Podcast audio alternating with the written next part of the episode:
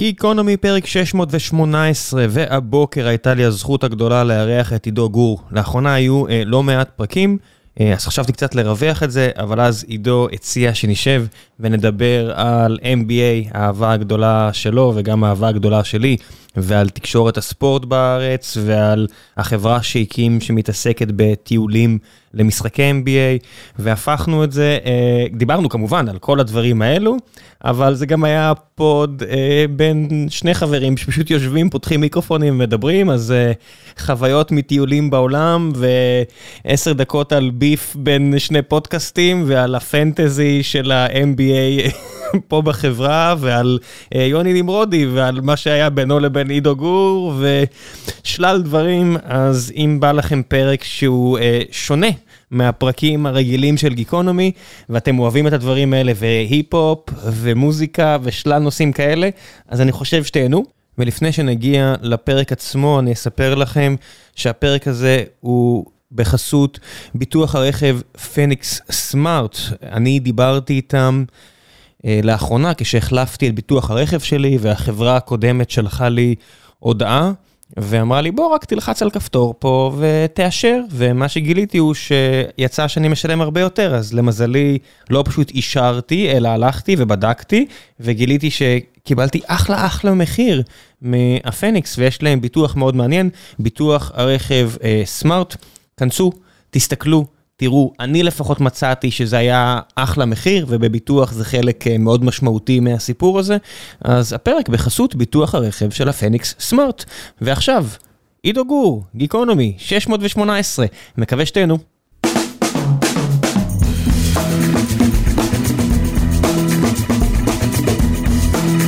גיקונומי, פרק 618, והבוקר יש לי את הזכות הגדולה לארח את עידו גור. בוקר טוב. בוקר אור, מהבקרים האחרונים שאני מתעורר בהם בשעות כאלה, כן? כן, לך תדע, יש לך, אתה יודע, בדרך כלל אתה הולך לישון בשעות האלה. משהו כזה, כן. אתה יודע, אנחנו, העונה מתחילה עוד 11 ימים, אנחנו מקליטים את הפרק ביום שישי, העונה מתחילה ב-18 באוקטובר, ביום שלישי, והלו"ז שלי מתהפך לגמרי, זאת אומרת, אני, שני אנשים אחרים במהלך העונה, בין אוקטובר ליוני, אה, לבין הקיץ. בקיץ אני כזה איש מבוגר שמתעורר בשבע בבוקר, הולך לישון ב-12 בלילה. אתה לא איש מבוגר בשום שלב, אני אגיד לך, אתה יודע איך פגשתי אותך פעם ראשונה, אתה זוכר? כן, בדירה של... בדירה של שתי ידידות, או חברה שלך לשעבר, ואני ישבתי שם, ואתה נכנסת וחזרת מההקלטה הראשונה אי פעם שלך, של משחק. עשית אפילו לא משחק, עשית תקציר. והיית כל כך סייקט, שעשית את כל התקציר מולי שוב. פשוט אמרת, הנה, הנה זה, והבאת את כל הדקה 50, או שתי דקות 10, או לא יודע כמה, בול. כאילו, אמרתי, אוקיי, איזה גיק של כדורסל, כאילו, בום, בום, בום, אתה יודע, בול. כן, אני לגמרי חנון של כדורסל לגמרי. חנון של כדורסל שרץ בכזה התלהבות. ופשוט שחזר את כל התקציר שהוא כרגע אמר, מילה במילה. בסדר, זה הזיכרון, אתה מבין? אבל זה לא... יש קרדיט על זיכרון טוב, אבל... זיכרון, אתה יכול או להכריח את עצמך ללמוד, אתה יודע, לשנן, אתה לומד מפה בניגוד, לא, ברור, זה הדברים שאתה אוהב יותר, הם כן. נחתים לך בזיכרון. אם אתה אוהב, זה לא מאמץ. לדוגמה, קייט בוש up the hill. אתה מבין, השיר לא יוצא לי מהראש. כי מה, כי אהבת את זה בסדרה? לא, קודם כל, זה שיר שאני אוהב מאוד מאז שאני זוכר את עצמי, כן? מאז שאני ילד קטן, אבא שלי חינך אותי מוזיקלית אה, בצורה מדהימה לדעתי, וקייט בוש זה משהו ששמענו ב repeat אה, בבית, וזה שיר שיצא באמצע שנות ה-80, 85, 87, משהו כזה. אה, אז תמיד אהבתי את השיר הזה, והוא תמיד אצלי ב favorites, ואז פתאום ראיתי Stranger Things עכשיו בכיפור, את העונה השלישית והרביעית. וזה מחזיר לך את השיר, אוקיי? והוא מצמרר. הוא מצמרר, אני סתם לא יודע למה, אה, בגלל הזיכרון שנחת. כן. אז עכשיו בבוקר, אה, בדרך לכאן, כמעט, כמעט אמרתי לכאן, אתה מבין? כל מיני הרגלים של... אה, זה מה שקורה כשאתה משדר טלוויזיה, כן, אתה מבין? כן, טלוויזיה. בדרך לפה, אה, נסעתי באוטו כזה וזה תקוע לי בזיכרון, אז שמעתי עכשיו ב repeat גם, לא נסיעה ארוכה, כן, נסיעה של 12 דקות, אבל שמעתי עכשיו ב repeat את running up the hill, אז נכנסתי איתו כזה לפודקאסט. כל מי שאהב את דוני דרקו ועדיין שומע Mad World, ואי אפשר שלא לשחזר את כל הסצנה האחרונה של הסרט בראש. כן, אבל הסיפור עם Mad World זה שהגרסה היותר טובה היא לא גרסה. או דווקא כן. הגרסה המקורית או את הגרסה של הסרט? לא, הגרסה המקורית זה של, אה, הגרסה המקורית זה של Tears for uh, Fears. כן. הגרסה, זאת שהייתה מפורסמת יותר בסופו של דבר, זה זאת של גרי ג'ולס. נכון. השקטה כזאת יותר. כן. שאני נתקלתי בה לראשונה באיזו סדרה שנקראת, נקראה ג'ריקו, יריחו, זוכר אותה? כן, כן, בטח. על איזשהו אסון גרעיני, לא יודע למה עצרו אותה אחרי העונה השנייה, הייתה פגז. אבל... אה, סדרות כאלה כמו ג'ריקו, כמו קרניבל, כמו כל מיני סדרות שהן יכולות להיות מעולות, אבל הן כל כך מדכאות. אני, זה התיאוריה שלי גם על הסמויה. תמונה ש... בואו צריך להגיד את האמת, זו הסדרה הכי פצצה שהייתה. וראו אותה איזה מיליון אנשים, ראו אותה כאילו אותה כמות אנשים שרואים מישהו דוחף עוגה מן אחר, לא, אבל הסמויה. החזיקה כמה עונות. כן, אבל עם איזה מיליון אנשים, כי זה מדכא. לא יודע, אני. לא מבין כל מיני סדרות שהלכו מאיתנו מוקדם מדי. נגיד פלאש פורוורד, אתה זוכר את הסדרה הזאת? כן. אה, זה כאילו זינוק לאתמול. לא, מה פתאום. מה זה Flash זינוק? לאתמול חזר עכשיו, יש גרסה חדשה. בדיוק ראיתי את? הפרק הראשון אמ, של אה, NBC או פיקוק, רשת פיקוק, לא משנה, אני לא זוכר, אבל אה, עשו רימק לזינוק לאתמול. זה מביך? אמ, האמת שראיתי פרק אחד וזה היה כזה, אה, לא משהו, כזה טיפה חובבני. אבל על מה דיברתי לפני זינוק לאתמול? על פלאש פורד. פלאש פורוורד, אתה לא כן. זוכר פלאש פורוורד? לא. הייתה לזה עלילה מדהימה, שכל האנשים בעולם, בדיוק באותו רגע, קיבלו איזשהו blackout לדקה ו-17 שניות, אם אני זוכר נכון. אוקיי, אוקיי, אוקיי. ובדקה ו-17 שניות האלה, הם חוו את מה שהם הולכים לחוות בעתיד בדיוק עוד חצי שנה או שמונה חודשים או משהו כזה. אלה שלא ראו כלום, הבינו לפי זה שהם כנראה מתים, והם לא הולכים לחוות כלום, ו- וכל בן אדם שחווה רגע מסוים, אז כאילו החיים שלו הפכו להיות אובססיביים לגבי הרגע הזה, כן? זה היה רגע כזה משמעותי. היה, היה עונה וקצת, נראה לי, משהו כזה. היה גם את הסדרה הזאת עם אה, קיפר סאת'ר, אה, קיפר סאת'רלנד, Touch. לא, לא גם ראיתי. זה, אני מת על השטויות האלה, על הווי-פיי האלה, גם זאת הייתה סדרה של איזו עונה אחת. צריך לשים. אותך בזה של הרשתות, של ה... מה יצליח. אה, קח אותי לביל סימונס או זה, אה, זה אין פה. זה היה חלום. כן, לביל סימונס לדבר על סדרות טלוויזיה אמריקאיות, תשמע, יש לי ידע עצום. אני אגיד לך מה, כשאתה רווק, בלי ילדים, כל כך הרבה שנים ולא ילד כבר, אתה מספיק המון המון המון. זה מה שחשבתי בקורונה, שהיה כל מיני אה, אנשים אה, רווקים, בלי ילדים, שהתלוננו, לא יודע מה, על כל מיני דברים, אמרתי, חברים, אם היה לי את כמות הזמן שלכם, הייתי מוציא פה PhD בשנתיים האלה, mother fucks, הייתי מעיף פה עונות של דברים, הייתי קורא ספרים, הייתי כותב ספרים, לא יודע מה, כמות הזמן, שפשוט אתה קולט שאין מסגרות לילדים, זה פשוט, זה זה מה שאתה עושה עכשיו, 15 שעות. עזוב אין מסגרות לילדים, מספיק שיש ילדים, אתה צריך לקום, אתה אה, אה, כאילו, אה, הייתי באיזה חצי סרט כזה, כן, כי הייתי במערכת יחסים עם, עם גרושה פלוס ילדה קטנה, שהייתי חצי אבא שלה באותו זמן, ואתה אתה עייף, אתה כל הזמן עייף. כי הילדה קמה מוקדם, לא יעזור, היא קמה מוקדם, ואתה לוקח אותה לשירותים, ואתה מכין לה אוכל. חברים, מוקד- מוקדם ברמה של עידו זה שמונה. לא, לא, לא, לא, לא, לא, לא. כשאני אומר הילדה קמה מוקדם זה שש. שש. אוקיי? זה שש בבוקר. ואז אתה כבר איתה מעביר את הבוקר, וקם ויוצא לעבודה, ומעביר יום שלם, ופתאום אתה שם לב שאין לך זמן. זאת אומרת, הזמן הפנוי היחיד שלך הוא מוקצה לשינה, כן? כי אחרת אתה הולך להתמוטט. כשאין ילדים, אתה מדבר איתי על מסגרות קורונה, אין לי שום מחויבות לכלום. כלום. כן, אבל זה- זה עובר? מתישהו. המחויבות שלי זה לבוא להורים שלי בשבת לצהריים, משהו כזה, וגם, אני לא חייב. גם זה עובר, זה הייתי רואה אה, סדרות פלייאוף ב-NBA עם אה, חברי שאול אולמרט, ובאמצע הלילה פשוט פום, יורדת הילדה שלו, ויכול להיות, היינו רואים את זה גם עם אה, דן שמיר, ככה גם הכרתי את דן דרך אה, שאול, ואז הילדה שלו פשוט מתיישבת, ורואה את המשחק, אמרתי, או, כזה אני רוצה. אה. כן, זה אחלה זה, סיפור. זה, זה, לחלוק עם מישהו חוויה, זאת אומרת, זה משהו שנגיד על, על נסיעות למשחקי NBA, זה אני יודע, שאני לא חושב שאני אסע עוד פעם לבד. עשיתי פעמיים, נסעתי לבד, הייתי בגמר המערב של אה, סן אנטוניו נגד גולדן סטייט, ובמשחק השני, אחרי שקוואי אחרי נפצע, שקוואי נפצע. קניתי את זה לפני שקוואי נפצע, אז אמרתי, וואו, איזה כיף, הולך להיות פצצה, קוואי נפצע, ואז, כמו שברור שיקרה בלואאוט לגמרי, 40 הפרש, רבע שלישי, קמתי, הלכתי.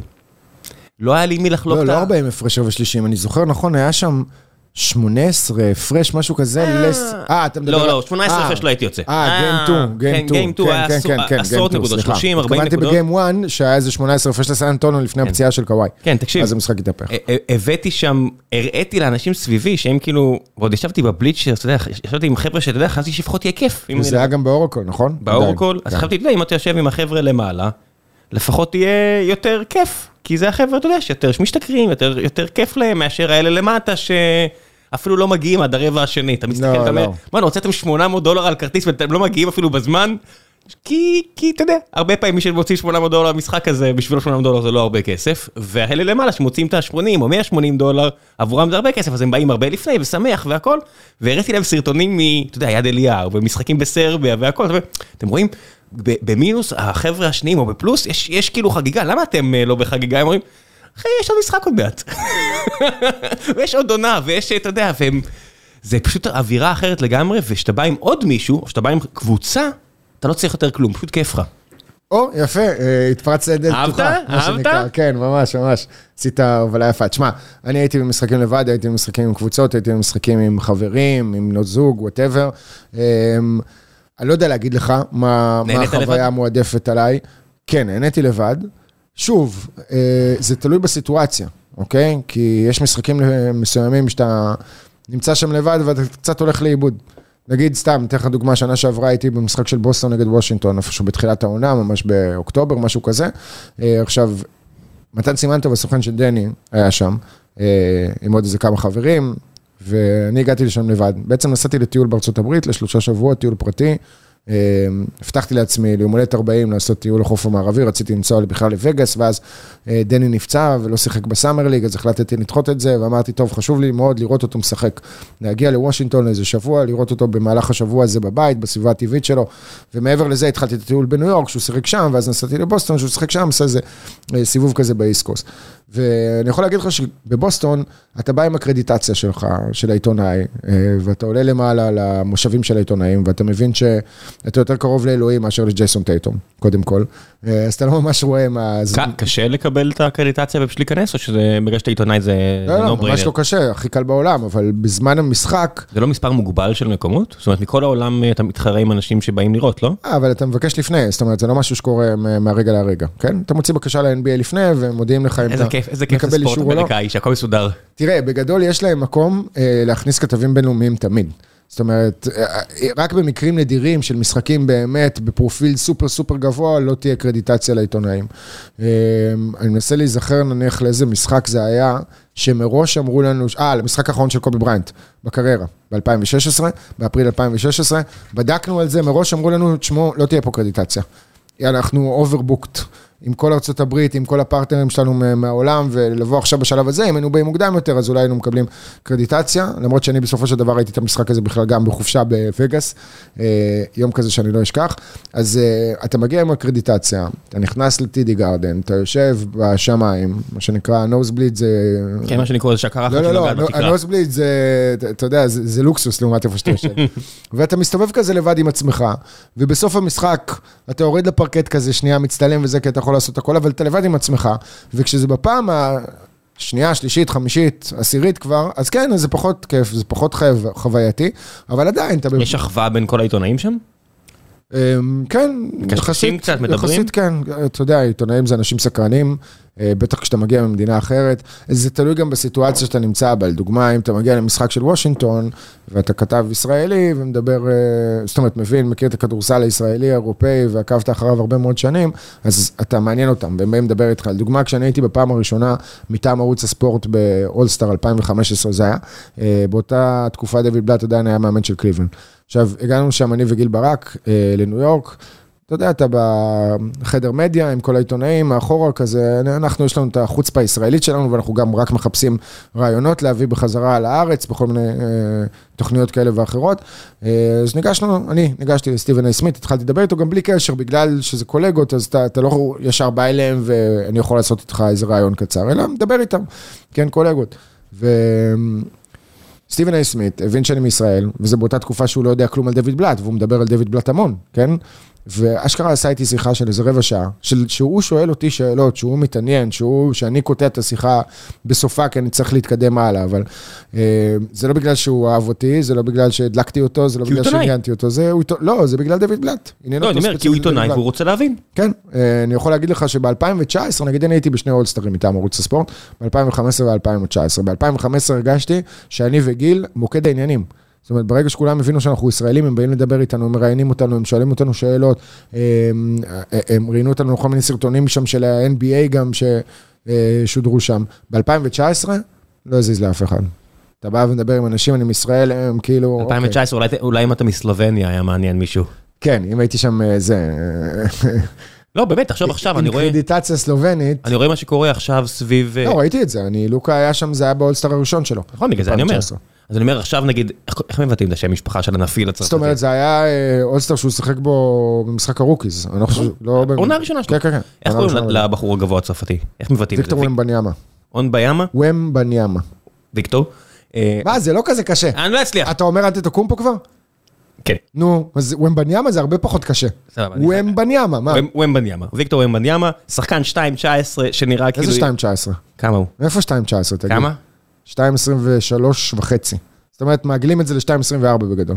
כן, ו- הוא ו- 2.23, 5.2, כאילו. וזה בן אדם שלוקח ג'אמפ שוטים בזמן שהוא קופץ על רגל אחת מהשלוש. בוא נתחיל בזה שזה שחקן שכל מי שחי בתוך ברנז'ת הכדורסל ועולם הכדורסל כמה שנים טובות יודע שהוא הולך לשנות את המשחק. אה, עכשיו כולם גם נחשפים מה אליו. זה כמה שנים? הבן אדם בן 18. ממתי אתה יודע עליו? שלוש, ארבע שנים, משהו מאז כזה. שהוא בן 14? כן. שהוא היה מאז רק שתי מטר? לא, הוא היה כבר אז 2 פלוס, 2, 10, 2, 11, משהו כזה, 2, 12. אה, ויקטור ומבניאמה זה באמת השילוב הזה של כל מה שהיית רוצה בשחקן כדורסל, גם מבחינת הסקילסט שלו וגם מבחינת הגובה שלו והסייז שלו, שהכל מפורפקט, לא שיש מילה כזאת, אבל כאילו, הכל פרפקט. הכל פרפקט, אה, הכל כזה מתחבר בסימביוזה כזאת. חוסם, קולע שלשות, מוביל כדור. זה, זה לא נורמלי. עכשיו, בניגוד לשחקנים גבוהים אחרים, שיש פורזינגיס באזור הגובה הזה, עדיין נמוך ממנו, שתבין שוומבניאמה הולך להיכנס לליגה, הוא יהיה השחקן הגבוה ביותר ב-NBA, כן? כבר מהרגע הראשון שלו. אה, טאקו פול נמוך ממנו באיזה סנטימטר וחצי. וטאקו פול מתייחסים. אליו בתור הזיה. לא מתייחסים אליו לא, בתור האמת שחקן. שטאקו פול, סליחה, טאקו פול גבוה ממנו לא לדעתי, זה אבל... 2.30 טאקו פול. לא, טאקו פול הוא 7-5, משהו, כן, משהו כזה, משהו באזור הזה, אבל הוא מחוץ לליגה עכשיו, הוא ב-G League. אה, הוא לא ממש משחק ב-NBA. וויקטור אה, כבר אה, שיחק מול הפועל חולון, משחק כבר מול ריאל מן. זה לא רק אה, ליגות לא, תיכונים. הוא שיחק שנה שעברה בווילרבן, כן. עזב את וילרבן באמת בשביל לקבל, אני חושב, יותר דקות ולהיות שחקן יותר משמעותי בקבוצה של המטרופוליטנס, שעכשיו שיחקה פעמיים בווגאס נגד קבוצת G League. G League Ignite, כולל נגד סקוט הנדרסון. תשמע, זה הרבה סיפורים מסביב. בגלל זה אני אומר שמי שצרפתי ויודע לתת, זה כמו שתחשוב כמה סיפורים יוצאים לנו על אה, אנטונה קומפו. אה, אני ראיתי אותו עכשיו, אה, פעם ראשונה שאני ממש קרוב אליו, היינו, בדרך כלל אני קמצן פצצות, והפעם זה שאני לא נוסע איתו משחקים, פה שותף שלי בעסק, אמר, תפסיק, חדל, משחק טוב, תקנה בבקשה כרטיסים אה, טובים, מספיק עם השטויות שלך. קנינו כרטיסים ממש מרחק, אתה יודע. לא נוגע בו, אבל כמה שורות משם. איפה. מתי? בברקליס עכשיו, שהם שיחקו מילווקי נגד אה, ברוקלין. אוקיי, מה שדיברתי וכל המשחק, אני מסתכל על אה, אנטטקומפו, והוא לא מדבר עם אף אחד. בחיים שלי לא ראיתי דבר כזה. יש פסק זמן, הוא הולך הצידה. המאמן לא החליף איתו מילה. אולי הוא שלח עוזר מאמן לבקש ממנו משהו. אבל הבן אדם עושה plays, כאילו, אתה יודע, שלוש, משווה את המשחק שהוא בכלל לא יודע מה, והוא לא מדבר עם אף אחד. אח שלו מדי פעם מגיע, מחזיר מס, ואתה אומר, מה זה, זה כאילו בן אדם שעבר אונס. בלי, ב- אני לא רוצה, אתה יודע, כי לא מזלזל במילה אונס, אבל בן אדם שעבר איזושהי טראומה מאוד קשה, וזה סיפור מדהים, כי הוא גם nice guy, בנוסף להכל. אז ברור שכולם יחפשו באתונה עיתונאים או מישהו שיודע להכיר אותו וידע לתרום לסיפור. באמת יוצא סרט, פצצה. תחשוב שעכשיו על הוויקטור הזה, כל צרפתי שיודע לנדב איך זה לחיות כמוהו, איך זה הכל. על לוקה נגיד, אנחנו לא יודעים, לוקה מרגיש שאין אה, הרבה עניין סביבו מבחינת הסיפור, מרוב שהוא שחקן כדורסל כזה, שהכדורסל מדבר מבעד עצמו, אנחנו לא יודעים הרבה, זאת אומרת, אף אחד לא מביא לי את הסיפור על למה לכל הרוחות הוא תמיד מגיע שמנמן. אה, זה כי הוא אוהב לאכול ולשתות, מה זאת אומרת? אבל אתה לא, אבל אין, אין, לא מדברים על המסביב של לוקה, מדברים על לוקה, על הכדורסל שלו. יאנ, תשווה נגיד את הסיפור של יאניס, אולי כי לוקה פשוט גדל טוב, אני לא יודע כן, מה. בגדול כשאתה מסתכל על זה גם לא מדברים הרבה על הסיפור של לברון. ולברון יש לא, סיפור. רגע, יש סיפור עצום, שנייה, כשאנחנו מדברים על, על מה מדברים או לא מדברים, אני צריך שתמקד אותי, כי זה נשמע שאתה מדבר על החיים הפרטיים של השחקנים בזמן שהם משחקים. כן, אבל בסוף, אוקיי. בתשומת לב... כי על ש- לברון לא מדברים יותר מדי על החיים הפרטיים שלו בזמן שהוא משחק, כן מדברים המון על הסיפור שלו, וכן דיברו עליו. בואו נעשה קצת סדר, אוקיי? לברון הגיע לליגה ב-2003, מאז לברון ג'יימס לא היה שם כל כך מדובר אה, כמו ויקטור וומבניאמה. עד כדי ככה? עד כדי כך. מבחינת הרגע כניסה שלו לליגה. זאת אומרת, לברון ידעת גם שנתיים לפני, כבר היו עליו אה, כתבות בטלוויזיה האמריקאית, ב-ESPN. אה, שתבין, לברון ג'יימס, בזמן שהקולג' באותה תקופה בווינסנט סן מרי, לא מצליח אה, למכור אה, 25% מהכרטיסים, מילא אולם תיכון, והעבירו את זה לאולם אחר של קבוצת קולג', שגם שם היה full house, והגיעו רשתות של ESPN וכתבים מכל רחבי ארצות הברית, והוא יועד להיות, אני לא אשכח את הקיץ הזה של 2003, שיצא להיות עם המשפחה שלי בארצות הברית, רגע לפני שלברון ג'יימס נכנס לליגה, והיו שלטי חוצות ענקיים בטיימס סקוור, The King. אוקיי? כבר כולנו ידענו לפני שהבן אדם דרך על פרקט NBA שהוא הולך להיות משהו מיוחד. כי נייקי דאגו לזה. לא, זה לא רק קשור לנייקי, זה קשור לטירוף סביב יכולת של שחקן מסוים.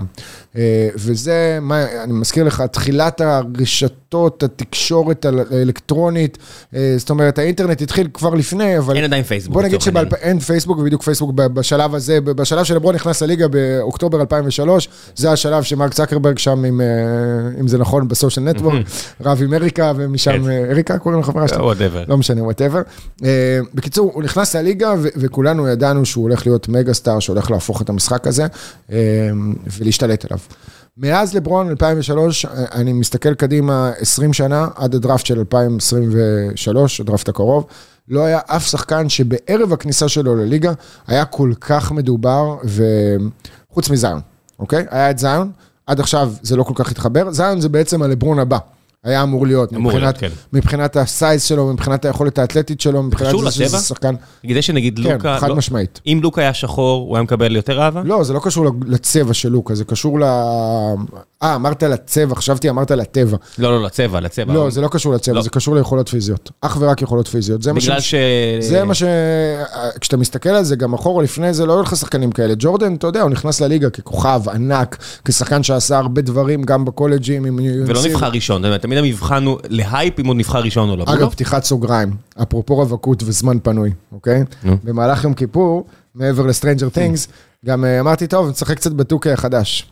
אה, שמע טוב, הם עשו שם פיצ'ר מטורף. של המשחקים ההיסטוריים? מטורף, מטורף, מטורף, שהעביר לי את כל כיפור, באושר ובחיוכים ובהתרגשויות. הפיצ'ר נקרא Jordan Challenge.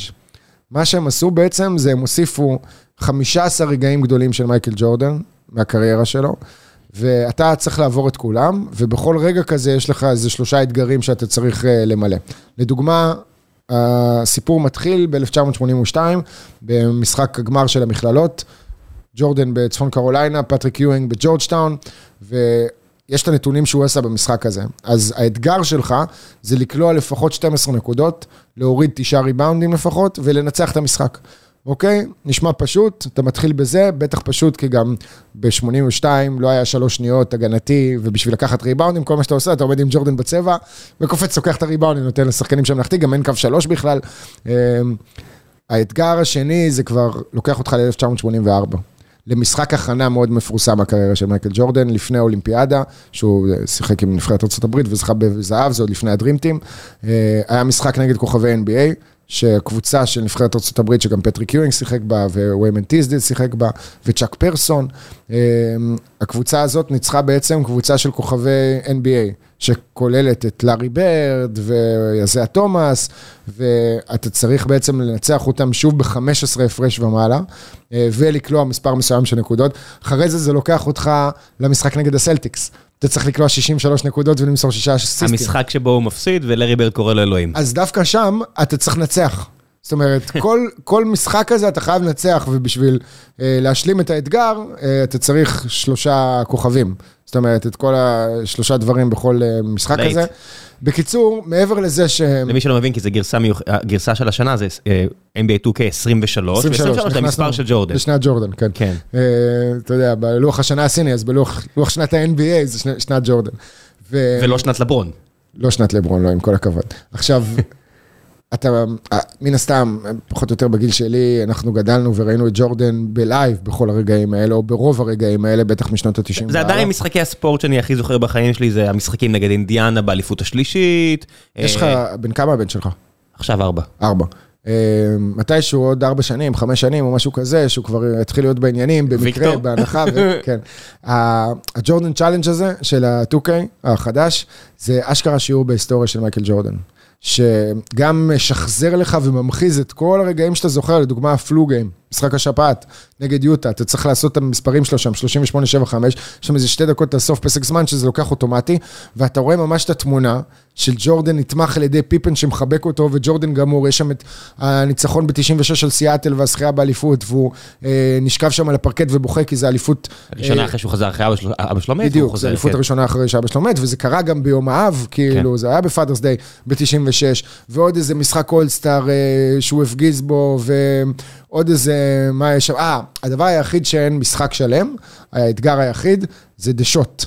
הקליעה שעשתה אותו אולי, הדבר הראשון שפרסם אותו בצורה כזאת בינלאומית, הקליעה נגד קליבלנד במשחק חמש של אה, סיבוב ראשון ב-1989 בפלייאוף, שם אתה רק צריך לבצע את הקליעה הזאת, אוקיי? זאת אומרת, זה רגע אחד קצר, שמה שאתה צריך לעשות שם, כאילו השלושה אתגרים זה לנער את לארי ננס מעליך, ולזרוק על קרייג גילו ולנצח את המשחק. עכשיו, אם אתה קולע, אז ניצחת את המשחק. כן. אז, אה, בקיצור, ממליץ בחום. אה, רק בשביל ה challenge הזה, זאת אומרת, זה משהו נוסטלגי כזה, וכיף כשלאורך כל ה... אה, כשאתה ב section הזה, בין משחק למשחק, המוזיקה שמתנגנת ברקע זה כמובן סיריוס של אה, אלן פרסונס פרויקט, המוזיקה שכולם מכירים כמוזיקה של שיקגו בולס, זה לא המוזיקה של שיקגו בולס, אבל הבולס לקחו את זה אתה חושב למשחקים שלהם. שח- שמלא שחקנים, אה, אתה יודע, שנה שעברה מלא שחקנים ראו את ה Last Dance, או לפני שנתיים ראו את ה Last Dance, ואז אמרתי, וואו, זה הולך להטעין מלא אנשים בדרך הזאת של ג'ורדן. אתה חושב שמלא שחקנים עכשיו מכניסים ל-PS5 שלהם את, אה, לא יודע מה, את NBA 2K23 שעושים את זה? כן, לגמרי כן. אני חושב שמעבר לזה שיש פה גם היסטוריה לאנשים שלא מכירים, יש פה גם רענון זיכרון לאנשים שכן, סתם דוגמה, נגיד, אתה משחק בהתחלה נגד אה, פטריק יואינג, שהוא בג'ורג'טאון, בגמר של UNC, ואז בנבחרת ארה"ב ב-84 אתה משחק עם פטריק יואינג, אבל אתה משחק נגד לארי ברד באיזה קבוצת כוכבי NBA, ואז ב-88 באולסטאר, שאתה משחק עם לארי ברד בנבחרת של המזרח, וכל מיני דברים כאלה. זאת אומרת, גם יש פה הצלבות, גם אתה מבין פתאום איזה שחקנים שיחקו, באיזה מכללות, באיזה נבחרת הברית, באיזה קבוצות. אה, ממליץ באמת בחום, קחו זמן, אם אתם בזוגיות עם ילדים, תבקשו איזה 24 שעות. לא, לא, הכל טוב, זה הכי טוב זה שילדים משחקים איתך. אני אומר, מה שטוב זה לילדים, שאתה רואה ילדים מתווכחים על מי השחקן הכי טוב, ואז הם מקבלים באיזה משחק פתאום לארי ברד, ואז הם הולכים לקרוא עליו, פתאום, מה, זה השחקן היחידי שזכה שלוש פעמים ב-MVP ב- בליגה, או משהו כזה, או האחרון שעשה את זה? שלוש מהם ברצף. ברצף, כן, וזה פשוט שיעור, זיכרו- שיעור כזה בהיסטוריה של המשחק, כי המשחקים בארצות הברית הם תמיד שיעורי היסטוריה, כי זה תרבות אמיתית. זה לגמרי בגלל זה תרבות. שיאניס הגיע, זה תרבות וריאליטי. אה- אהבתי איזה ריאליטי, אה, ריאליטי, אהבתי איזה ראיון איתו, שהוא אה, ראה שג'ייסון קיד הולך לאמן אותו, אז הוא אומר, פעם ראשונה שקראתי על ג'ייסון קיד בוויקיפדיה, אמרתי, וואו, איזה- שחקן הוא היה. ואתה קולט, כאילו, כן. הבחור, או כ- חבר'ה כאלה לא מכירים את ה- את לא, תראה, ההיסטוריה. יאניס לא נחשף ל-NBA עד אה, בערך 2011, שזאת השנה שג'ייסון קיד לקח את האליפות הראשונה שלו. כן, אפילו קצת אחרי זה. זאת אומרת, ראית, אני מניח את הסרט גם בדיסני, כן. שזה לאו דווקא אחד לאחד הסיפור האמיתי, הסיפור האמיתי של יאניס והמשפחה היה הרבה יותר קשה והרבה פחות נעים ועטוף בצמר גפן וכולי, אבל יאניס, אה, אני חוזר אל הטייק שלך עליו, על זה שהוא... שהסיפור שלו כזה מגניב, שמדברים עליו הרבה. לא, שלא מדברים איתו, שתוך כדי המשחק אה. הוא לא מדבר ודברים זה לא כאלה. טייק, זה רק המשחק אחד שראיתי, אני לא בונה פה איזה נרטיב. זה רק המשחק, יכול להיות לא, שבאותו יום מה שקרה. לו, אני יודע. לא, לא, אני, אני אומר את זה דווקא לטובה. יאניס, אין שחקן שאני התרשמתי ממנו יותר מבחינת הדרך שבה הוא נושא את עצמו לפרקט, בדרך שבה הוא מתנהל מול השחקנים, מול היריבים, מול המאמנים, מול המזכירות, מול השופטים, מול הקהל. יש בו משהו הכי אצילי שראיתי. אה, היכולת הזאת, גם עכשיו ביורו בסקט, לקבל את רוע הגזירה אחרי שהוא יצא בעבירה חמישית שם במשחק נגד גרמניה, בלי פרצופים, בלי ויכוחים עם השופטים, כל כך כל כך מלכותי.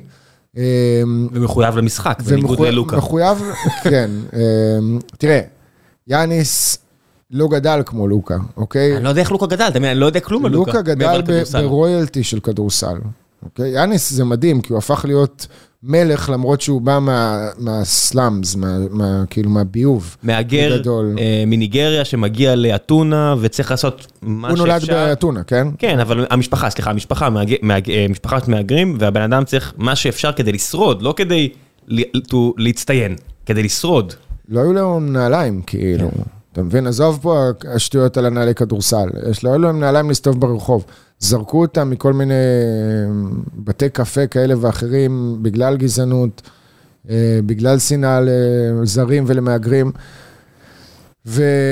ולראות מה יצא בסופו של דבר מהבן אדם הזה שנכנס יוצא, לליגה. יוצא, זה היופי, יוצא. עדיין, אנחנו כן, רואים עדיין, את זה. הוא בן עשרים- הוא עוד לא בן 28, אתה מבין? הוא היה בן 28 השנה, שחקן כדורסל, בטח ב-NBA, הפיק של הקריירה שלו אמור להיות בין 27 ל-33, החמש-שש שנים האלה. הוא עכשיו עם עוד חמש שנים בפיק שלו, כן? אמ, ו- וגם יש בו משהו הכי נחמד בעולם. אם אתה עכשיו נוסע ליוון ופוגש את יאניס, אין מצב שלא יעשה איתך סלפי. יש מלא סלפי שלו יעידו על. כך מלא. מאות ישראלים, אוקיי? ישראלים רק אני מדבר. מלא, והמשחק הוא, רגע, זה באמת יאניס? לא אחי, זה איזה מישהו אחר, 2-1 שנראה כמו אל יווני בשחור והוא במקרה דומה לו. שמע, הוא נחמד, הוא, הוא מתוק. אני, לשמחתי, הייתה לי גם איזושהי חוויה קטנה איתו באותו אולסטאר של 2015 שדיברתי עליו, יש משחק עיתונאים, ותמיד במשחק עיתונאים הזה, ה-NBA אה, שולח איזה שני שחקנים מהרוקי סופמורס, מהשחקני שנה ראשונה ושנה שנייה שמשחקים באולסטאר, אה, להיות המאמנים של קבוצות העיתונאים, כאילו כחלק מהפעילות, אה, ומי היה המאמן של הקבוצה שלי? יאניס, כשטנאסיס אחיו גם אז היה בניקס, ועכשיו שניהם במילווקי ביחד, אבל גם טנאסיס היה בפעילות הזאת והיה מאמן של קבוצה שנייה, ואני, מה שהדהים אותי, נכון, בסדר, הוא היה אז ילד בן 20, משהו כזה, בסוף העונה השנייה שלו ב-NBA, באמצע העונה השנייה שלו ב-NBA, ואתה יודע איך זה גברים אה, שאוהבים ספורט ויודעים, או חושבים שהם יודעים לזרוק לסל ורואים כדורסל. אתה יודע מה קורה. מיד זורקים. מיד זורקים, כולם זורקים, זורקים. ראיתי לפחות 40 סרטונים שלך עושה את זה. אז היו מלא מלא כדורים. ובערך איזה 30 ומשהו, 40 אנשים, עיתונאים שבאו לשחק קצת, להרגיש מה זה כן, NBA. קצת לדרוך על הפרקט. ואתה רואה את כולם זורקים, באטרף כזה, אתה יודע, כל אחד הולך ולוקח את הרימון של עצמו. ויאניס אחד מהחבורה פשוט, כאילו הוא רואה כדור, לוקח כדור, זורק, ועד שאנחנו מתארגנים, ועד שאנחנו מחליטים מה הקבוצות, ואז אנחנו באים אליו, ואז הוא כאילו מאמן אותנו ועושה חילופים ודברים כאלה. זה היה בשלב מאוד מוקדם של הקריירה שלו, שבשלב הזה אתה אומר לעצמך, גם כן, הוא יהיה נחמד ונגיש וכולי. ואז ראיתי אותו שוב, אה, יצא כמה פעמים במהלך הזה, אבל בוושינגטון, בעונה שעברה. במשחק של אה, מילווקי נגד הוויזארדס, משחק שגם היה בתחילת העונה, ודני עם הקלמפס שם עשה כמה עצירות הגנתיות על יאניס והיה מצוין, ווושינגטון ניצחה את המשחק הזה וגם התחילה את העונה הטוב שנה שעברה, זה היה כזה אה, vibe ואווירה, ו, וגם שם אני מגיע מוקדם יותר, איזה שעתיים וחצי לפני המשחק, ואני רואה אותו יושב ומדבר עם מייק בטיסט, מייק בטיסט אתה זוכר אותו? השחקן בפנתנייקוס הרבה מאוד שנים, שחקן יורוליג top-top כאילו, אה, והוא עוזר מאמן בוושינגטון. ויאניס יווני מאתונה גדל כן. בסביבות של המגרשים האלה. של אתונה גם. כן. כן, הוא לאו דווקא ראה את זה בזמן, זאת אומרת, הוא כן ראה, אני יודע, הוא ראה את סופו ואת נבחרת יוון, אז וזה, בטיסט לא שחק בנבחרת יוון, הוא אמריקאי, אבל אתה רואה את ההערצה ואת השיחה, ובשלב מסוים, אני כאילו... אה, בחוצפה ישראלית מביכה, רואה את יאניס וכזה, רוצה להצטלם איתו, אומר, יאללה, אנחנו, אני כבר פה, אין פה אף אחד, יאללה, כן, בואו נעשה איתו איזה תמונה, למרות שבהגבלות שקיבלת, אסור לך לעשות סלפיס עם שחקנים, זה אה, נעלי קורונה וכולי.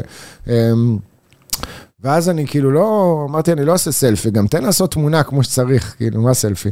עכשיו, את מייק בטיסט יצא לי כבר כאילו להכיר לפני, כי הייתי שם בוושינגטון, עשיתי רעיונות עם הקבוצה, וזה, וכאילו הרגשתי בנוח לבקש ממנו אה, לצלם אותנו שנייה. שמע, יאניס נפגע בשבילו, כאילו, הוא אומר, אתה מבקש ממנו, זה לג'נד. עזוב, עזוב, עזוב, תביא, תביא, תביא. קח את הטלפון, עושה סלפי, כאילו... אתה יודע, כן. בעצמו. למי שרוצה לקבל טעימה מהאהבה הזאת והכבוד להיסטוריה, זה בדיוק Hustle אה, של אה, אדם סנדלר בנטפליקס. אתה כן. רואה שהיה חשוב לו גם להביא כוכבי, נראה לי, זה נראה ככה, היה חשוב לו להביא אפילו כוכבי NBA, והיה חשוב, כוכבי יורוליג כאילו, והיה חשוב לו להביא את הפרופסור שייתן ייצוג ל And One. ו... לא, לא, זה היה כאילו לגמרי, לגמרי תרבות הכדורסל שם, הבינלאומית. הבינלאומית, כן, אבל, אבל גם הכדורסל הלא מקצועני, כמו עם הפרופסור, שחקן And אה, One, שחקן אה, רחוב, שחקן, uh, אתה יודע, שמכירים אותו בעיקר מיוטיוב, אבל הוא עדיין, היה חשוב לו להביא את הדקה הזאת איתו, ואת החבר'ה של היורוליג, ו... יאניס יש לו כבוד למשחק, יש לו כבוד למשחק, יש לו כבוד להיסטוריה של המשחק, ועל זה אני מדבר, לא על זה שהוא עשה איתי סלפי או לא עשה איתי סלפי, זה לא מעניין אף אחד, אתה רואה את הגישה שלו. גם, אגב, אתה יודע מה, אני חוזר בי, גם איך שהוא מגיע בסופו של דבר לאוהדים, ואיך שהוא אה, מצטלם איתם ונותן מהזמן שלו, ותמיד מחייך ותמיד נחמד, באמת אגדה יאניס, ואוטוטו אני הולך לראות אותו. וויקטור יהיה כמוהו, אתה חושב? ויקטור יהיה יותר.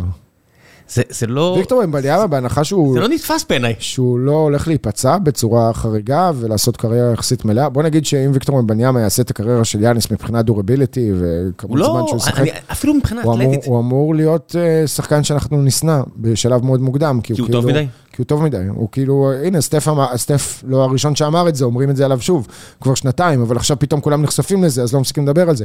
הוא cheat code. הוא cheat code. זה לא הגיוני.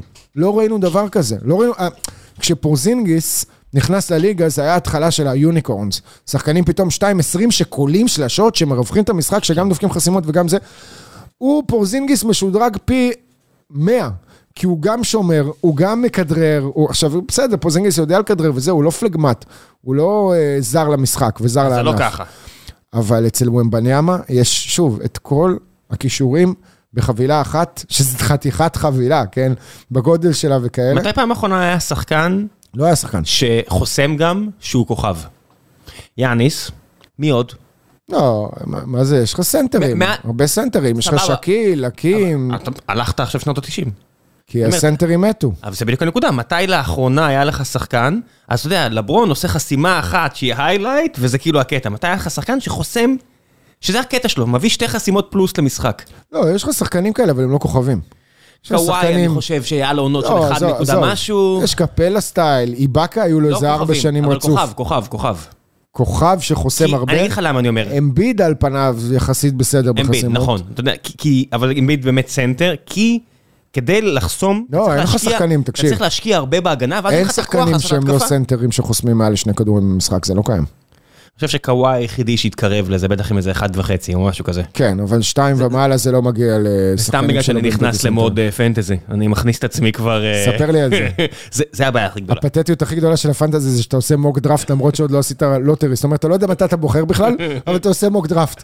כאילו, מתפזר זה כזה לא-. אני אני לא מקבל את זה, זה לא פתטי. זה זה נורא חשוב לדעת, לשים לעצמך רשימות של אה, מה לעשות, כי אחרת זה סתם שנה של תסכולים. אמ, אנחנו עכשיו פה, יש לנו את יובל עוז אצלנו. אני לא יודע מה להגיד לך. הוא הקומישיונר אצלנו, אני הפעם. אה, בונה עליו שלא, שיעצור את הרמאויות שהיו בשנים האחרונות פה. אני אומר את זה, היה פה רמאויות, למרות שראיתי את ההגרלה, איך שעדיין יצאתי האחרון, מי שעשה את ההגרלה יצא ראשון. הבאתי את יובל עכשיו בתור קומישיונר in-house, אני לא יכול ככה. זה מדהים הקטע הזה עם הפנטזי, כי בסופו של דבר, מה שאתה עושה כשאתה משחק פנטזי, בעיקר NBA, זה, אמ, אתה עושה את זה כי אתה אוהב את הליגה, כי אתה רוצה עניין, כי מגניב לך והכל, אבל זה, זה רק עושה לך נזק לחיים. זה- רק עושה לך נורא. נזק לחיים. זה והפרמייר ליג שאני עושה עם הדוידוביצ'ים, פה, תקשיב, היה פה אה, טריידים שנפסלו, וזה עשה בעיות, וזה חלק מהחבר'ה עובדים פה איתי. לא, ברור, אנשים אוהבים, אמרתי, וואי, הם לא- הם לא יעבדו אחד עם. השני. הם כן. עזבו את הקבוצת וואטסאפ, היה צריך להחזיר אותם, אז לא- אני לא משחק יותר. עזוב, אני לא משחק כדורגל בפנטזי, אבל אה, בכדורסל, אתה יודע, לפעמים יש איזה שחקן אחד, שזה פציעה אחת, שזה כאילו מישהו אה, הכניס לך סכין עכשיו לתוך הבטן וסובב אותה. כאילו, איזה שחקן טוב שלך נפצע ואתה בבאסה. אתה בבאסה, כן. אתה גבר, אתה חושב שאתה גבר, אתה בן אדם מבוגר, בגיל 40 פלוס, ואתה פתאום מסתובב יומיים שלושה, מבואס מהחיים עצוב, כי אתה מרגיש שנגמרה לך עונת הפנטזי בגלל שהשחקן הכי טוב שלך נפצע. ואתה חושב איזה טעות עשית שלא בחרת את השחקן ההוא שהיית יכול לבחור וויתרת, כאילו, what the fuck, בן אדם. הייתי צריך לראות, אתה יודע, המשפט הזה, הייתי צריך לראות את זה בא, ברור ש... אתה יודע, שנה שעברה אכלתי את עצמי, אכלתי את עצמי שלקחתי את ביל. אמרתי, אה, וואלה, היה ברור שהשנה. בעונת אה, חוזה, חשבתי, אתה יודע, הכל היה נראה לי הגיוני, זה כמו לבחור מניות, בעונת חוזה ביל ייתן עונה של 30 פלוס. אה, לא, ברור, הוא רק רוצה לצאת משם, אתה יודע, אני אתחיל לשכנע את עצמי בהכל.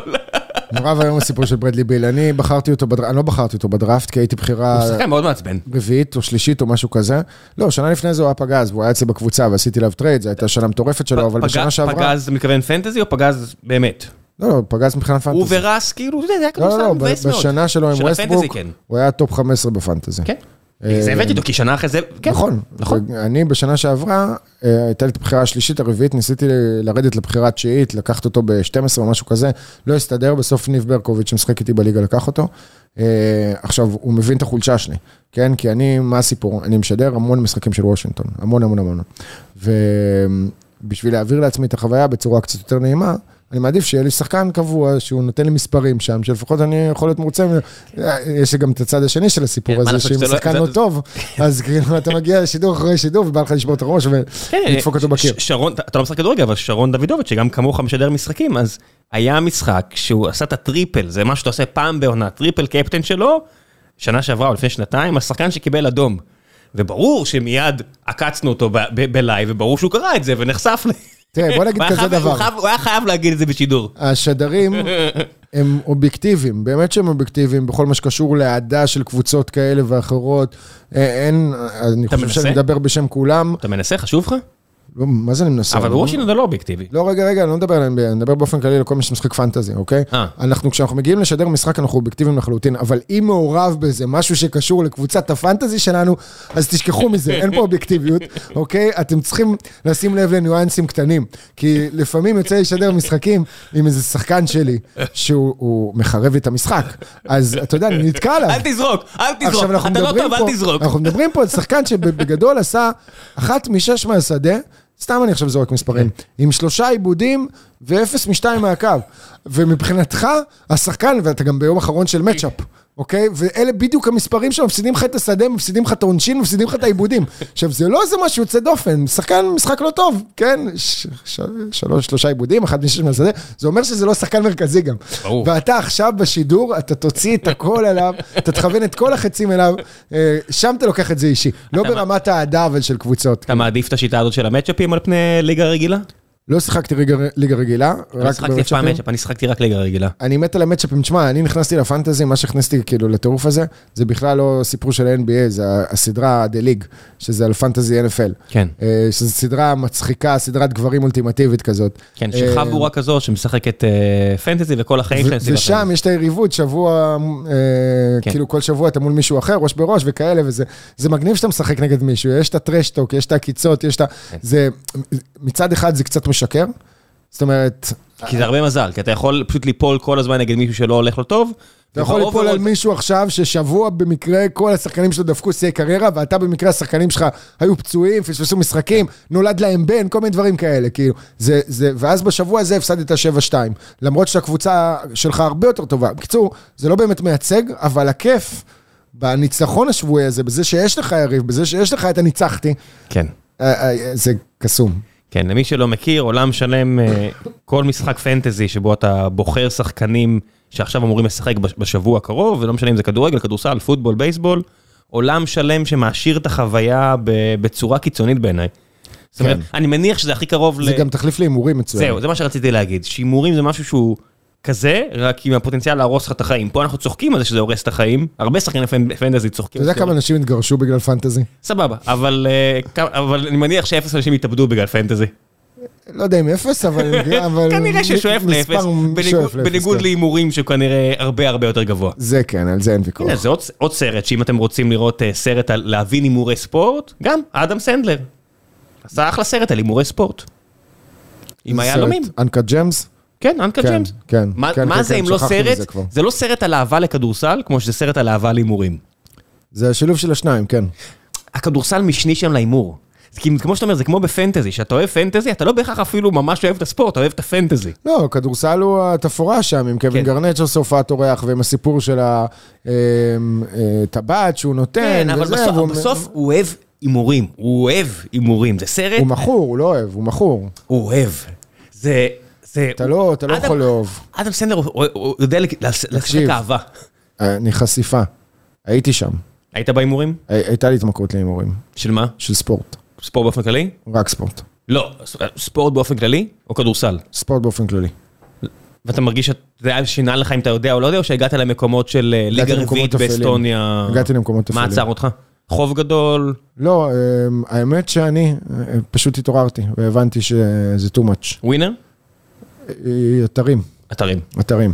אמ, זה היה לפני המון זמן כבר, כן? נדבר איתך על אה, 15 שנה, נורא קל 16 לי. שנים, בערך אה, 2006. תקופת ויקטור צ'נדלר שניסו לדחוף בארץ. בדיוק, תקופת ויקטור צ'נדלר וסטן ג'יימס, שעוד היית יכול פשוט לתת את המספר כרטיס אשראי שלך, ובום, כמו כספומט, יש לך 200, 400 דולר בחשבון. כן.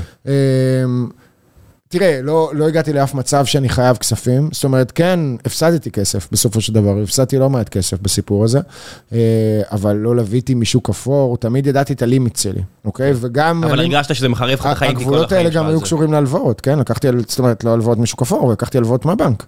מטורף. הלוואות של, אתה יודע, פתאום אתה לוקח הלוואה של 50 אלף שקל, כי אתה צריך לסגור איזה מינוס, כאילו, שהגעת אליו עכשיו, מטורף, ומשתלט לך על החיים, ואני יכול להגיד לך שבאותה תקופה, אה, בעיקר חברים שלי עשו לי כאילו חצאי אינטרוונצ'נס כאלה, כי הם אמרו לי, תשמע, אתה לא... איך הם ידעו? אמרת להם? כן, אני בן אדם פתוח, חשוף, מספר, כאילו, לא לא בדרך כלל הסתרתי אנשים את זה. שנופלים לבור הזה לא אומרים את כל האמת.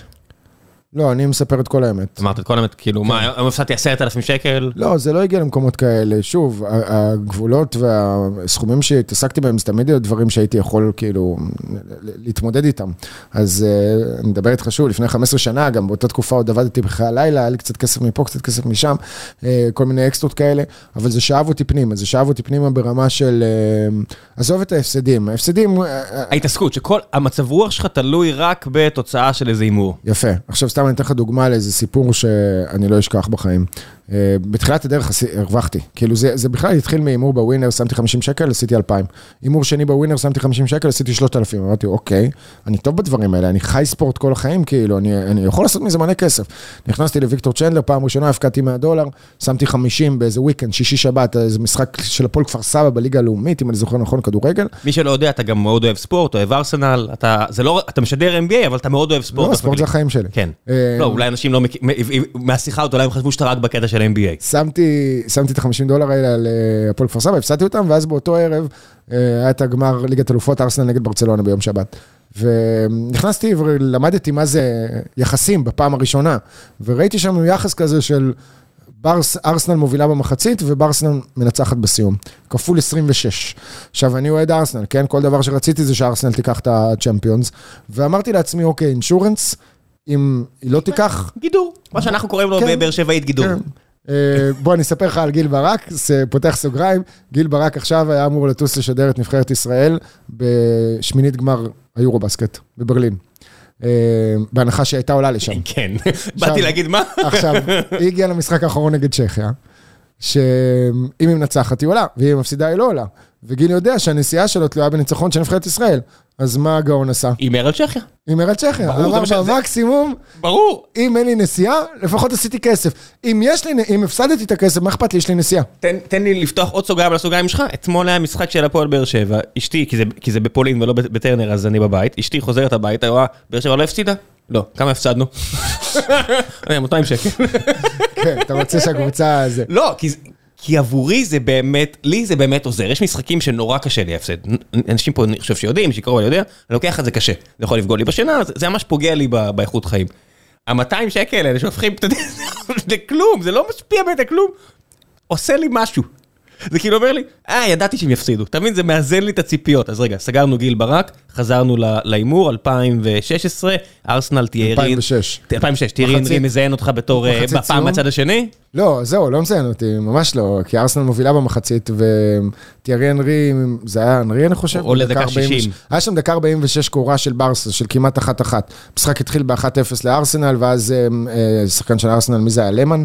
הורחק באדום, או שסול קם, אני כבר לא זוכר. אני ראיתי את המשחק הזה וכמעט חטפתי מכות. בסוגריים, אה, מו- מוקף בבר, באוהדי ארסנל שיכורים, ואוהדי ברסה שיכורים, ואני גם הימרתי על המשחק הזה, וקפצתי יותר מדי גבוה, ומישהו סימן לי שעומד לחטוף מכות, אז יצאתי בשקט החוצה. יפה, לא. לפחות שצריך כן, כן. לזהות את זה. לא, לא, הוא אמר לי. אה, אוקיי. זה לא היה... כן, זיהוי זה לא- טוב, לא, זה היה זיהוי כזה של בוא, קח ממני מרחק, אני לא במצב אה, לא להרביץ לך, אמרתי, לא, מגניב, ראש טוב. סוגר את הסוגריים, בגלל זה אני זוכר את המשחק הזה טוב. ארסנל הובילה במחצית, ובמחצית כבר אני יודע, אני מכיר את הקבוצה שלי, כן? זה נגמר, אני עשיתי כסף עכשיו, אני עשיתי, שמתי 50 דולר ביחס של 1 ל-26, יחס של 1 ל-26, זה 1,300 דולר. אז בעצם ארבעה הימורים ראשונים בטווח זמן של איזה חודש, משהו כזה, פתאום אני אעשה אה, 10,000 שקל. ואז אמרתי לעצמי, אוקיי, אני טוב בזה, אני אני יכול לעשות מזה מלא קריירה." כסף. כן. נעשה את זה קריירה. ואז נתקלתי, אני חזק בתאריכים וכאלה, למרות שיכול להיות שאני לא מדייק, אבל השמונה ביוני 2006, אני חושב. אה, סטינג הופיע בארץ, באצטדיון רמת גן. אה, אימא שלי קיבלה כרטיסים להופעה, אני חולה מוזיקה שמונה גם. ביוני? כן, מה זה מונדיאל? זה היה את לפני המונדיאל המונ- שאיטל- זה שאיטליה לפני לקחה. המונדיאל. אוקיי. זה לפני המונדיאל, זה רגע לפני המונדיאל, זה ממש, אה, או שזה, כן, תחילת המונדיאל, רגע לפני המונדיאל. משהו כזה. אמ, אבל כן, זה היה בקיץ הזה, של המונדיאל הזה. אה, ואנחנו נוסעים להופעה. עכשיו, אני באותו יום, זה היום הראשון שהפסדתי בו. שהתחלתי להפסיד בו, שהיה לי איזה סרק כזאת. מה היה? אה, טניס, ווימבלדון, עניינים, לא זוכר, אה, רולנד גרוס, סליחה. זה- ליפול, ברגע שאתה מגיע. לדברים האלה, זה לא, כבר ליפול. ההימורים הכי קשים שלי היו על טניס, אגב. הכי קשה. אחד העולמות... כי הטניס זה כן. כמו בלק ג'ק, אוקיי? כן. הטניס זה מיידי, זאת אומרת, אם אתה מהמר על גיימים, על משחקונים. וזה כמו לשחק יד פתאום, ואתה יודע עכשיו אם עשית כסף או לא עשית כסף, וזה לא לשים הימור על משחק שלם ולחכות עד שהוא יסתיים. בקיצור, לא משנה, נחזור לסיפור הזה של סטינג. אני ואמא שלי נוסעים להופעה, ואני באותו יום כבר מתחיל להפסיד, והיה שם פיינל פור כדורסל ישראלי, שבמשחק הראשון אני חושב שגם הפסד, פתאום הפסדתי איזה 800 אלף דולר בשעה, כן? שזה עדיין... לא- 800 פסיק, אלף. לא, 800 פסיק. אלף, כן. לא, כן. לא- לא 800 אלף. כן, כן, כן. אה, ובשעה, ואני כאילו פתאום מבין מה, מה, מה, מה קורה לגוף שלי. אה, אני פקעת עצבים, ואני נוסע עם אמא שלי בכלל אצטדיון רמת גן, אני במקביל בודק בטלפון כזה תוצאות. היה איזה קטע שעצרנו בתחנת דלק, אה, הלכה שנייה לקנות לנו בקבוקי מים, בשנייה שיצא מהאוטו, הסתכלתי כזה, ימינה, חיכיתי שכאילו, אה, תלך איזה כמה מטרים, ומה שקרה ברגע שיצא מהלן אוף שלי, התחלתי לפרק את ההגה באגרופים. אגרופים חזקים להגה, זאת אומרת, אה, אה, אני חושב, ולשמחתי, לא היו לי התמכרויות קשות אחרות, אתה יודע, סמים קשים, דברים מהסוג הזה וכאלה, אבל ההתמכרות להימורים זו ההתמכרות הכי קשה, הכי מכלה, הכי אפלה. אה, וזה משהו שהלך איתי לאורך כמה שנים, כן? לאו דווקא ב... בוא נגיד בחצי שנה הראשונה, זה היה, זה היה כאילו עבדתי בזה, כן? הייתי קם בבוקר, זה הגיע למצב שהאמרתי על משחקי בייסבול. לפני זה לא ידעתי את החוקים של בייסבול. זה עזר לי ללמוד את החוקים של בייסבול. אה, ואז עם השנים זה כזה בא והלך, פתאום בתקופות, פתאום. פה איזה כמה רגעים שם. אה, אני שמח להגיד שאיפשהו ב-2012, כבר לפני עשר שנים, זה היה ההימור האחרון בערך ששמתי. כן, שמתי מאז, אולי אני יכול לספור על יד אחת בעשר הנה, שנים האחרונות. באתי לפה עם אה, כובע NBA שהפסדתי לך בהימור. כן. הימור מלפני שנתיים. אמ, אבל זה לא כסף, זה הימור בין חברים, כן. זה משהו אחר. כן, כובע. אז אולי בעשר שנים האחרונות שמתי איזה חמש פעמים טופס ווינר, כן? אבל אה, אני לא ממליץ לאף אחד, תשמעו מניסיון אישי. זה אומנם עוזר לך בכל מה שקשור לידע ספורט, כן. כי האובססיה והצפייה הבלתי נגמרת בכל דבר, וכאילו גם בגלל שזה חשוב, אז הזיכרון הוא הרבה יותר חזק, כן? אתה רואה דברים מסוימים ש, שהם משמעותיים לכסף שאתה מרוויח, אז, הם, אז כל רגע כזה שנדפקת מאיזה שער ניצחון בדקה 95, או מאיזה החטאה לבאזר, או כל, הכל שם, אז זה כן, כן, לנו את זה ב... נותן לך ידע, ב- אבל זה בציון- ידע שאתה לא רוצה. לנו את זה בציון שלוש, כשהתלבטנו אם לקחת חסות של הווינר, אז היה דיון פנימי, והחלטנו שלא, גם בגלל כל מיני חבר'ה כמו זיו להבי, שהם מאוד מאוד אנטי בגלל בדיוק סיפורים כאלה, ואמרנו, טוב, אני, אני מבין, כאחד שכן אוהב הימורים, וכן יש על זה ביף אגב, לא? אה, בין הפודקאסטים. הביף- כי כאילו ציון שלוש והפודיום זה שני הפודקאסטים כן, הביף, הביף, אתה יודע... הכי פופולריים בכדורגל הישראלי. כן, הב- הביף הוא בין, אתה יודע, החבר'ה התחרותיים. אני הייתי עם אורן בצבא ועזרתי להפיק את הפו- את הפודיום, כל מה שהוא ביקש ממני בתחילת הדרך, אז אין לי פה, אני אוהב את אור- את אורן ואני אוהב מן הסתם את החבר'ה שלי, הכל טוב. אבל הביף, כן, יש ביף. זה חלק מהכיף, ביפים זה כיף. אמ, אבל הווינר זה כאילו חלק לא יודע, אבל... לא יודע אם על העניין הזה. זאת אומרת, אני אני מכבד את כולם, קודם כל, סחטיין כן. על העבודה שאורן אמ, עשה ועושה כאן, אבל- עם אבל כל הסיפור הימורים- של אבל הפודקאסטים. הימורים זה באמת, וגם אה, נמרודי, תשמע, נמרודי יש פה איזה סיפור, כן? כי נמרודי היו כל מיני אישוז עם ערוץ הספורט, והוא צייץ לא מעט פעמים על כן. דברים שעשו בערוץ הספורט אנשים. חשוב ש- שכל מי שיושב בבית ושומע פודקאסטים ונמצא בטוויטר יבין את הדבר הזה, אוקיי? יש טעויות, ואני לא אומר שזה בסדר הטעויות האלה, אני שונא טעויות, וגם אני טועה, ואני כועס על עצמי כשאני טועה, אבל אם אתם רוצים לרדת על עובד ערוץ הספורט, תרדו עליו בגלל שהוא טעה והוא העלה כותרת לא נכונה, לא בגלל שיש לו אג'נדה מסוימת. אני מכיר בן אדם בן אדם במערכת אתר ערוץ הספורט וחדשות ערוץ הספורט וכל מה שאתה רוצה בערוץ הספורט, אני עובד במקום הזה כבר מעל לעשר שנים כעובד שכיר, אה, הולך דרך עם האנשים, אנשים חדשים שמגיעים, אני מכיר אותם אה, ורואה את העבודה שלהם.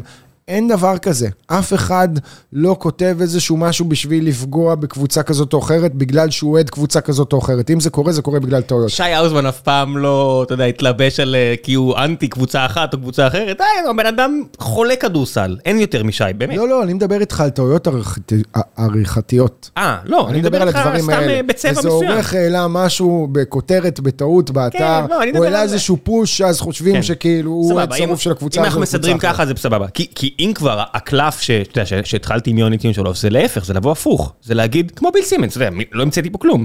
זה לבוא להגיד, הנה הקבוצה שאני אוהד, וקבלו את הכל דרך הפריזמה של העובדה שאני אוהב את הקבוצה הזאת. אני אוהב את הגישה הזאת.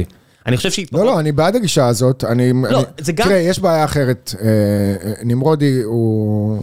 משוגע. לא, לא יודע אם משוגע או לא משוגע. אני. אוהב אותו, הוא הבן אדם הכי קיצוני שאני תראה, מכיר. הוא מצחיק, הוא מצחיק אותי. אני אגיד, בוא, לא עוקב אחריו, הוא כן. לא עוקב אחריי, אין בינינו קשר. אה, היה לכם ביף? לכם ביף? לא, אין בינינו ביף. הסיפור הוא כזה, אני לפני כמה חודשים צייצתי משהו על ה...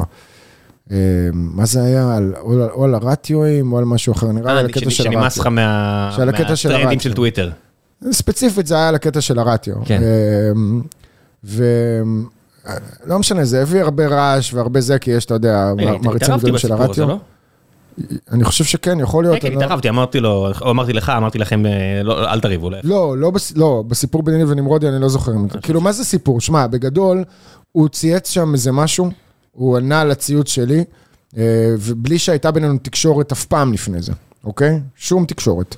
והוא צייץ בתגובה איזה קטע מתוך הציון שלוש, מתוך הפודקאסט של הציון שלוש, שמה? אה, על, על כל מיני אנשים בתקשורת, זה שאנשים קיבלו אה, במה ולקחו אותם לאיזה ערוץ ספורט כזה או אחר, אה, לא אומר ש, שהם כאילו ליצנים, הוא בא להגיד שזה שאנשים קיבלו אה, תפקיד מסוים, לא אומר שהם יודעים על מה הם מדברים, וכאילו בא להקטין אנשים, עכשיו, זה משהו שהוא לא אמר עליי. הוא אמר את זה בציון שלוש על מישהו אחר, לא ניכנס עכשיו לשמות, ערוץ הספורט, יש אנשים שפחות באים לו טוב, אבל זה לא היה עליי, זה היה על, על סוג גם של אנשים מסוימים, והוא פשוט לקח את זה ושם את זה עליי, שכאילו אני התקשורת, אה, הוא כביכול התקשורת החדשה, הוויכוח הזה בין התקשורת החדשה לתקשורת הישנה. עכשיו, אותי אישית זה בכלל מעליב הסיפור הזה של להגדיר אותי כתקשורת ישנה. אני לא תקשורת חדשה ולא תקשורת ישנה, אני, אני עושה את הדברים כמו שאני עושה אותם, לא לפי שום איזה guide, איזה rule book או משהו כזה, אה, ובטח אני לא יכול להיות מוגדר כתקשורת ישנה, בן אדם שכאילו כל הזמן ברשתות ומקליט פה פודקאסטים שנים, ובטוויטר הרבה מאוד שנים ודברים כאלה, ובטיקטוק ובכל מקום כאילו רק מנסה להבין חדשנות טכנולוגית וכולי. אבל מעבר לזה, עזוב את התקשורת החדשה והישנה, זה אשכרה נעלבתי, שהוא כאילו שם אותי, שככה הוא רואה אותי. עכשיו, אני אני בטוח התערבתי באותו רגע. אני, אני... לא, לא, לא היה שם איזה, עניתי לו איזשהו משהו על צבא הצייצנים שלך וכאלה וכאלה כן. וכאלה, ואני, למרות מה שאולי אנשים חושבים, יש, אני בן אדם רגיש. וש- אני כאילו, יודע. ויש דברים מסוימים שיושבים עליי, נגיד זה ישב עליי. עכשיו, כן. בוא נגיד שאם איזה אלמוני אחד היה כותב עליי משהו בטוויטר, אז בסדר, אז לא היה מזיז לי, כן? אולי היה מזיז לי לחצי שנייה כזה, כי זה תמיד טיפה עוקץ, בקטנה צובט, לא עוקץ. אה, אבל נמרודי זה בן אדם שאומנם לא הייתה בינינו שום תקשורת, אבל אני כן מעריך אותו בצורה מסוימת, את מה שהוא עושה לפחות. כן. ואני כן כאילו מבין את החשיבות של, של הקול הזה בתקשורת, ו, אה, וכמה הוא יודע באמת לעשות דברים בצורה מצחיקה, ו, ו, ולצאת מה, מהקונפורמיסטים של התקשורת, נקרא לזה ככה, בצורה מסוימת. כן. אמ, יכול להיות שאתה יודע מה, אני יודע איך התערבת. מה כאן, דיברתי עם שניכם. לא, אני, אני בטוח בזה, אין אני סיכוי, חושב אין שאני סרט. ביקשתי ממך את הטלפון שלו. יכול להיות, אין סרט שלא... איתי לא דיברת על המקרה הזה. אז יכול להיות שדיברתי איתו, אמרתי לו, תקשיב, עידו בחור טוב, ואתה... אני- אני. התקשר, שלחתי לו הודעה. אחרי זה, כאילו, אה, שלחתי לו הודעה, כן. איזה שעה אחרי, כאילו, הוציאו, כן. שלחתי לו הודעה. אה, כתבתי לו, היי נמרודי, עידו גור, מה שלומך? אה, אשמח לדבר עם זה, כאילו, זה. כן. דיבר איתי, כאילו, עזוב שהוא יצא הכי גבר בעולם, באמת. כי- כי הבע- כי זה והוא הבעיה גם... התנצל, הוא כן. התנצל, הוא אמר, הוא אמר, תקשיב, העליתי את זה, ובאמת אמרתי לעצמי, זה לא אתה הרי, זה לא... כן. כאילו אמרתי לו, תקשיב, אתה- אני אין לי בעיה, תכתוב מה שאתה כותב, אבל באמת זה מה שאתה חושב עליי? כאילו, שם אתה שם אותי, אני בן אדם ש... כל מה שחשוב לי זה, זה להתמקצע במה שאני עושה, להשתפר במה שאני עושה, ללמוד יותר. עכשיו, כשאני אומר כל מה שחשוב לי, זה בשביל להביא לצופה את התמונה המלאה לפי איך שאני יודע להביא אותה. מכל הבחינות האפשריות, גם אם זה מעבר לכדורסל ולצד המקצועי, גם אם זה ברמת החיים האישיים וזה, כי ככה אני רואה את, ה, את העולם הזה, כן? ואתה בא ושם עליי... כאילו, תווית כזאת, ומביא את- את- את הצבא כיוון ש- הצייצנים שלך עם איזה כיוון- 300 כן. לייקים לדבר הזה, שמוציאים אותי כאילו בן אדם לא מקצועי וחובבן. עכשיו, אני אגיד לך עוד משהו. כיוון שאני מכיר את שניכם, אני גם אגיד לך אני גם לא איש של ששניכם... טייקים, אני לא איש כן. של לא טייקס. אני מסתייג בדברים שלי, אני לא, לא, הדעה שלי היא לא כזאת חשובה. והדעה של אף אחד היא לא חשובה, ובסופו של דבר היא דעה. אז אני לא בא ולא כותב בחדר החדשות בערוץ הספורט, וגם בטוויטר לא מרבה לצייץ על דברים כאלה, וכשאני כן, אני רואה את, ה, את הגודל של האנטיגוניזם שזה יכול לעורר, נגיד הציוצים שלי על דני ביורו-בסקט וכאלה, אנשים שם כתבו לי, אתה, יש לך מאות אלפי אנשים שאתה צריך אחריות, איזה אחריות? אני מדבר פה על ספורט, זאת הדעה שלי על מה שדני עושה, מה, איזה, what the fuck, איך אחריות? אני לא, כאילו, אין פה עניינים פוליטיים, אין פה עניינים ביטחוניים, אין פה עניינים של, של לא יודע. אני בהלם, כאילו עדיין בהלם מה- מה- מהאינטנסיביות של... אבל זה כמו הימורים. אה, פלטפורמה כמו- טוויטר יודעת אה, לחדד את החוויה האנושית לווליום אה, לפעמים שהוא לא נעים. או כן. הרבה פעמים הוא לא נעים. הרבה פעמים הוא לא נעים. ויש אנשים שהטבעי שלהם הוא לסחוט בווליומים כאלה.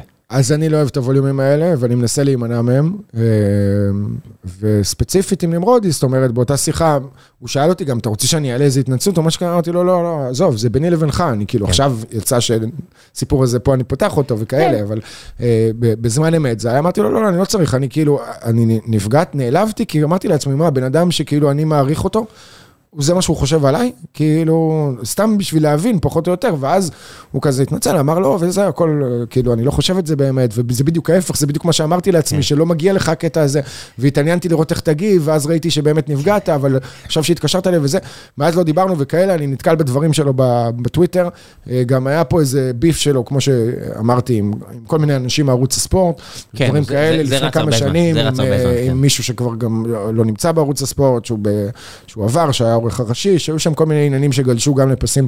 אה, כן, זה- זה המקום היחידי שאני. התערבתי, שברגע ש... כמו במקום, ברגע שמערבים הורים או דברים כאלה, אני חייב להתערב כי זה חבר ממש טוב ואני לא... כי יש גבול, אתה יודע. בסוף אנשים מבוגרים צריכים לדעת איפה הגבול, והגבול עובר בדיוק שמה. זאת אומרת, אני, אני מבחינתי, את עמית סגל, אני לא מכיר. לא מכיר, לא פגשתי אף פעם, אבל מה אתם מדברים על אבא שלו? יש את הבן אדם, דברו עליו. בכל מקום, זה לא... אני לא מכבד את זה, זה לא התנהגות שאני מכבד, וחבר אני... אני אתלכלך בשביל חבר. בגדול מה שקורה בפודקאסט הזה זה שיחה בין חברים, כן? זה? מה? פה, עכשיו. אה, כן. אתה מקליט בכלל? כן, כן, זה- כן. זה מוקלט? כן. כי כאילו, זה פודקאסט הראשון, ואני הקלטתי איזה פודקאסט או שניים בחיים שלי, שרובם כמובן על ספורט. אין פה נושא, אין פה קו כאילו אחי, זה. גיקונומי, זה פותחים סוגריים, סוגרים סוגריים, מכניסים את נמרודי. אנחנו פשוט בשיחה ארוכה. שהדבר הכי מדהים זה שכאילו חלק מהסיפור הזה פה, אתה יודע, זה אני, יש לי עכשיו מסע יח"צ מסוים לעשות. כן, כן, וכאילו כן. בכלל לא דיברנו על זה מילה. אנחנו כבר שעה בפנים, אתה צריך ל- צריך לדבר על היח"צ. כן, הגיע הזמן לדבר על היח"צ. עוד 11 ימים מתחילה הליגה, ו- ואתה אה, רוצה לקחת חבר'ה לראות משחקי NBA. אני לא רוצה, אני לוקח. Uh, כבר לקחנו בעונה שעברה, עשינו שתי נסיעות, uh, NBA Trip, זה השם של החברה שלי, uh, עסק שהקמתי עם ישראלי שחי בארצות הברית, שבעצם מגשים את החלום שלי, אוקיי? כל הסיפור הזה התחיל, אני מחזיר אותך למשחק הזה של יאניס ומייק בטיסט, כן. הנסיעה הזאת, הטיול הזה, זה טיול שנסעתי uh, בתחילת העונה שעברה, אחרי שהקורונה קצת נרגעה ואפשר היה להגיע למשחקים, uh, ורציתי לראות את דני, מקרוב, כמו שציינתי קודם לכן. ביום שפרסמו את הלו"ז של ה-NBA, של עונת 21-22, ישבתי על הלו"ז, הסתכלתי, משחקים, ניו יורק, וושינגטון, אמרתי, קודם כל חיפשתי איזה שלושה משחקי בית רצופים של וושינגטון, שבוע כזה, של homestand, שאני אוכל לראות את אה, דני בסביבה הטבעית שלו. ואז ראיתי שיש ממש בתחילת נובמבר משחקים, ושבוע לפני זה יש משחק של וושינגטון נגד ברוקלין בניו יורק, ויש עוד כל מיני משחקים שהיו שם של אה, ניקס נגד פילדלפיה, ומיאמי נגד ברוקלין, כן. והיה איזה רצף כזה של משחקים בניו יורק למי. שלא מכיר את הגיאוגרפיה של ארצות הברית, מניו יורק ועד אה, וושינגטון דרך אה, פילדלפיה נגיד, מדובר פה על נסיעות של בלי פקקים שעתיים, לא יותר. בגדול, ניו יורק פילי זה שעתיים, כן. פילי וושינגטון זה שעתיים, כן. ניו יורק בוסטון זה ארבע שעות, ניו יורק וושינגטון זה ארבע שעות. ברור, ברור, ברור, אל תשלחו לי עכשיו הודעות של... לא, לא, לא. "מניאק, נכנסתי לשמונה שעות פקק, קורה, לא, קרה. בסדר, עזוב את הפקקים. ביום, on a Sunday, זה הזמנים. בשביל ארצות הברית זה נסיעה שכמו שאתה תיסע מתל אביב לפתח תקווה, פחות או יותר. אין, אתה לא חושב על זה. נגיד, היה לנו משחק, רצינו עכשיו בנסיעת העבודה האחרונה, אני ואור, לתפוס משחק בפילדלפיה, אנחנו לא חושבים, זה לא בעיה. זה לא, זה חלק מהכיף. זהו. זה road trip. כן, זה trip, זה ואני כיף. פינטזתי על road trip. עכשיו, עם כל... כן. אתה יודע, הדבר הכי מדהים זה שבטיולים האלה מגיעים ילדים, גם בר מצוות וכאלה, חבר'ה צעירים, ופתאום קלטתי בנסיעה אה, של הקריסמס, הנסיעה הראשונה שעשינו אה, בתור חברה, שנסגר לי מעגל. שאני, המשחק NBA הרשמי, הראשון שהייתי בו, הייתי במלא משחקי preseason, חגים וכאלה, אבל איכשהו לא יצא להיות במשחק רשמי, אה, עד שהייתי בן 30, בעונת 2011-2012, בעונת ה lockout. מה זה דאלאס או אחרי? שנה אחרי. לא, לא, לא, זה שנה, ש... שנה אחרי שדאלאס לקחה אליפות. 2012 זה שנה שבסוף אה, OKC פגשה בגמר את מיאמי, זה האליפות הראשונה של מיאמי. אבל העונה הזאת התחילה מאוחר כי הייתה שביתה. והיא התחילה בעצם ב-25 בדצמבר, ביום של הקריסמס. שהמשחק הראשון היה ניקס נגד הסלטיקס, בגרדן. ובמקרה איכשהו טסתי לארה"ב ממש איזה יומיים לפני. ואגב, זה גם היה kickstart לעבודה שלי על uh, NBA בערוץ הספורט. כי לפני זה, עשיתי את ערוץ הגולד, הייתי עורך ומנהל של ערוץ הגולד, והייתי עושה שידורי קווים, כדורגל ישראלי, ליגת העל... כן, המפגש הזה שאמרתי שפגשתי אותך זה היה 2009, 2010, לא, 2010. לא, אנחנו מכירים מ-2011. 2011? 2011. חשבתי שזה יותר מוקדם. לא, זה בערך ספטמבר 2011. אוקיי, שם התחלת את ה... לשדר? זה משהו בתקופה, האמת שהייתי אמור לטוס, הסיפור הוא שהייתי אמור לטוס לפריז, עם אותה חברה שהייתה לי אז, והרגשתי משהו שלא נכון, שזה לא מתאים, שזה לא, כאילו בשבילי פריז היה לטוס להתחתן, והרגשתי אולי שהיא לא הבחורה שאני אמור להתחתן איתה, למרות שאחרי זה התחרטתי, וחשבתי שהיא כן הבחורה שאני... קיצר גבר מצוי, כן, זה קורה לי תמיד עם כל אחד. אני הסעתי אותה לעבודה למחרת. אז אני קיבלתי את האפטר טייק שלך. כן. סיפור אמיתי, לא משנה. בקיצור, היינו אמורים לטוס לפריז, ואז רגע לפני ביטלתי כי הבנתי שזה too much, ואולי זה לא טוב גם בשבילה וגם בשבילי. ומפה לשם כזה נוצרה נסיעה לניו יורק, כי חברים טובים שלי נסעו, ואימא שלי הייתה אמורה לטוס עם אחותי שהייתה דיילת אז באלעל, ואז אבא שלי מתקשר אליי יום לפני הטיסה ואומר לי, עידו, תקשיב, יש סכנה שלא יעלו את אדווה, את אחותי לטיסה, כי הזמינו יותר מדי דיילים. אימא כבר נוסעת לארה"ב, אני רוצה שתטוס איתה, שלא תהיה במקרה סיטואציה שבה היא טסה לבד. אמרתי, אוקיי, ניו יורק, מהיום למחר, סבבה. אז כאילו, אז הגעתי למשחק הראשון רשמי שראיתי, לא משחקי קדם עונה, של הניקס נגד הסלטיקס. אימאן שאמפרט היה במשחק הראשון שלו ב-NBA, הוא היה rookie. כרמלו ואמארה שיחקו עדיין בניו יורק, גארנט ופירס שיחקו עדיין בבוסטון. המשחק הסתיים בניצחון 106-104, אם אני זוכר זה נכון, עם החטאה של גארנט על ה buzzer, משהו כזה, הניקס ניצחו בשתיים הפרש. וחזרתי מהנסיעה הזאת לארה"ב, והגעתי ל... תומר, הבוס שלנו בערוץ הספורט, ואמרתי לו, תקשיב, אני אגיד לך משהו, אוקיי? אין הנחתום מעיד על עיסתו, זה משפט שלמדתי מזמן, ולמרות שאני חושב שאני טוב בדברים מסוימים, אני לא יודע במה אני באמת אהיה הכי טוב או לא הכי טוב, עוד אין לי ניסיון בהמון דברים שקשורים לעבודה הזאת.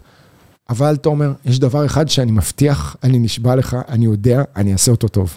זה NBA. ה-NBA זה החיים שלי, מאז שאני זוכר את עצמי, מאז שאני, מאז שאני ילד קטן, זה התרבות שאני, המוזיקה שאני שומע, הבגדים שאני לובש, אני לומד משם כל כך הרבה מעבר למשחק. אני מבטיח לך שאם תיתן לי לשדר איזה משחק NBA פעם ב, וזה, אני מבטיח לך שאני אעשה את זה הכי טוב שאפשר, אני מתחייב על זה. לא יודע לגבי דברים אחרים, לא יודע לגבי להיות שדר כדורסל באופן כללי של משחקים פליי ביי פליי, לא יודע לגבי להיות מגיל שדר, זה NBA, אני אעשה הכי טוב בעולם. ואז הוא אמר לי, תקשיב, אנחנו בדיוק עכשיו מקבלים בפעם הראשונה, בכל בוקר, ב-9-10 בבוקר, את כל התקצירים של כל המשחקים. מדבר איתך 2011-2012, כן, לפני זה זה לא היה. אני רוצה לייצר תוכנית חדשה שנקראת NBA Daily, כל המשחקים, תקצירים, קח את זה עליך. אתה מקליט קריינות לכל התקצירים, יושב, מגיע, כל יום לך עורך, עושה את זה עד שעה 4, מעלה את זה ככה וככה. וזה בעצם היה תחילת הדרך שלי מבחינת לסקר NBA, זאת אומרת, חזרתי מהמשחק הזה של ניו יורק נגד הסלטיקס, והייתי מוצף, ונתתי לזה להשפיע עליי, והגעתי לבוס שלי ואמרתי לו את מה שאמרתי לו, ומשם זה התגלגל. סליחה, והוביל אותי למקומות האלה. וזה עולם אחר, למי שלא, מי שרואה משחקי NBA איתך או בלעדיך, זה די עולם אחר. זאת אומרת, יש... פרשנות ושדרנים זה משהו שהוא חלק גדול מההוויה של אוהדי ספורט רציניים. כן. זאת אומרת, אני מכיר אותך ואת שרון, אז אני לא הכי אובייקטיב, אני מאוד אוהב שידורים שלך ושל שרון. יש אנשים אחרים שאני, זה מפריע לי לחוויה, אני אשים המיוט. זה משהו שהוא מאוד מהותי מהחוויה. אתה יודע את זה הרי. כן, חד משמעית זה מהותי, מה זאת אומרת? אנחנו דיברנו על זה עוד לפני שהתחלנו להקליט. אני לפעמים כשאני שומע, כשאני נכנס ב-NBA ליג פאס, אם יש שם שדר שלו, בא לי טוב, אז אני ישר מחליף. אבל רגע, נחזור לסיפור הזה. רגע, מי אתה אוהב, סוגריים קטנים? את מי אני אוהב? אני אוהב את איין איגל של ברוקלין, אני מת על אלה של שרלוט, ארי קולינס השדר. אוקיי, למי שלא יודע, אם אתה נכנס לשירות של ה-NBA, שהוא מדהים, מדהים, מדהים, מהשירותים הכי טובים שאני כל כך שמח לשלם עליהם, ב-NBA, אם אתם רואים משחק, זה יכול להיות או עם השדרים המקומיים של הקבוצה, ואז הם, אין פה אובייקטיביות, הם בעד הקבוצה, כמו לראות רדיו חיפה. זה לא רק שהם בעד הקבוצה, הם גם לא מכירים כל כך את הקבוצה היריבה. הם חיים את הקבוצה. כן, הם חיים את, הם משדרים 82 משחקים של אותה קבוצה במהלך העונה, זאת אומרת ש... הם ב beat, ש- הם, הם חיים, הם מכירים... שקליבלנד לדוגמה, מהמזרח, משחקת נגד סקרמנטו מהמערב, שזאת קבוצה בפרופיל נמוך יחסית, הפרשן של קליבלנד, לא מכיר את הוא השחקנים. לא מכיר את השחקנים בסקרמנטו, הוא יכול פתאום להיתקל בשוב, עכשיו הוא כבר לא כמה יודע שנים לבטא את בליגה. השמות של האירופאים. בדיוק. זה הכי בולט. בדיוק. לא- לאוזן שלנו זה הכי בולט. אה, ואתם יכולים ליפול על משחק של, עלי- של הערוץ הגדול של NBC או לא יודע מה, ואז לקבל את ואן גנדי ולקבל את כל הצוות שידור המהוקצע. והרבה פעמים זה הרבה לא, לא, זה. מעבר לזה, יש את המשחקים שפשוט יש לך או שדר בית או שדר חוץ. עכשיו, סתם, אמרתי קליבלנד כי הפרשן שלהם, זה, אני לא יכול לשמוע את הקול שלו.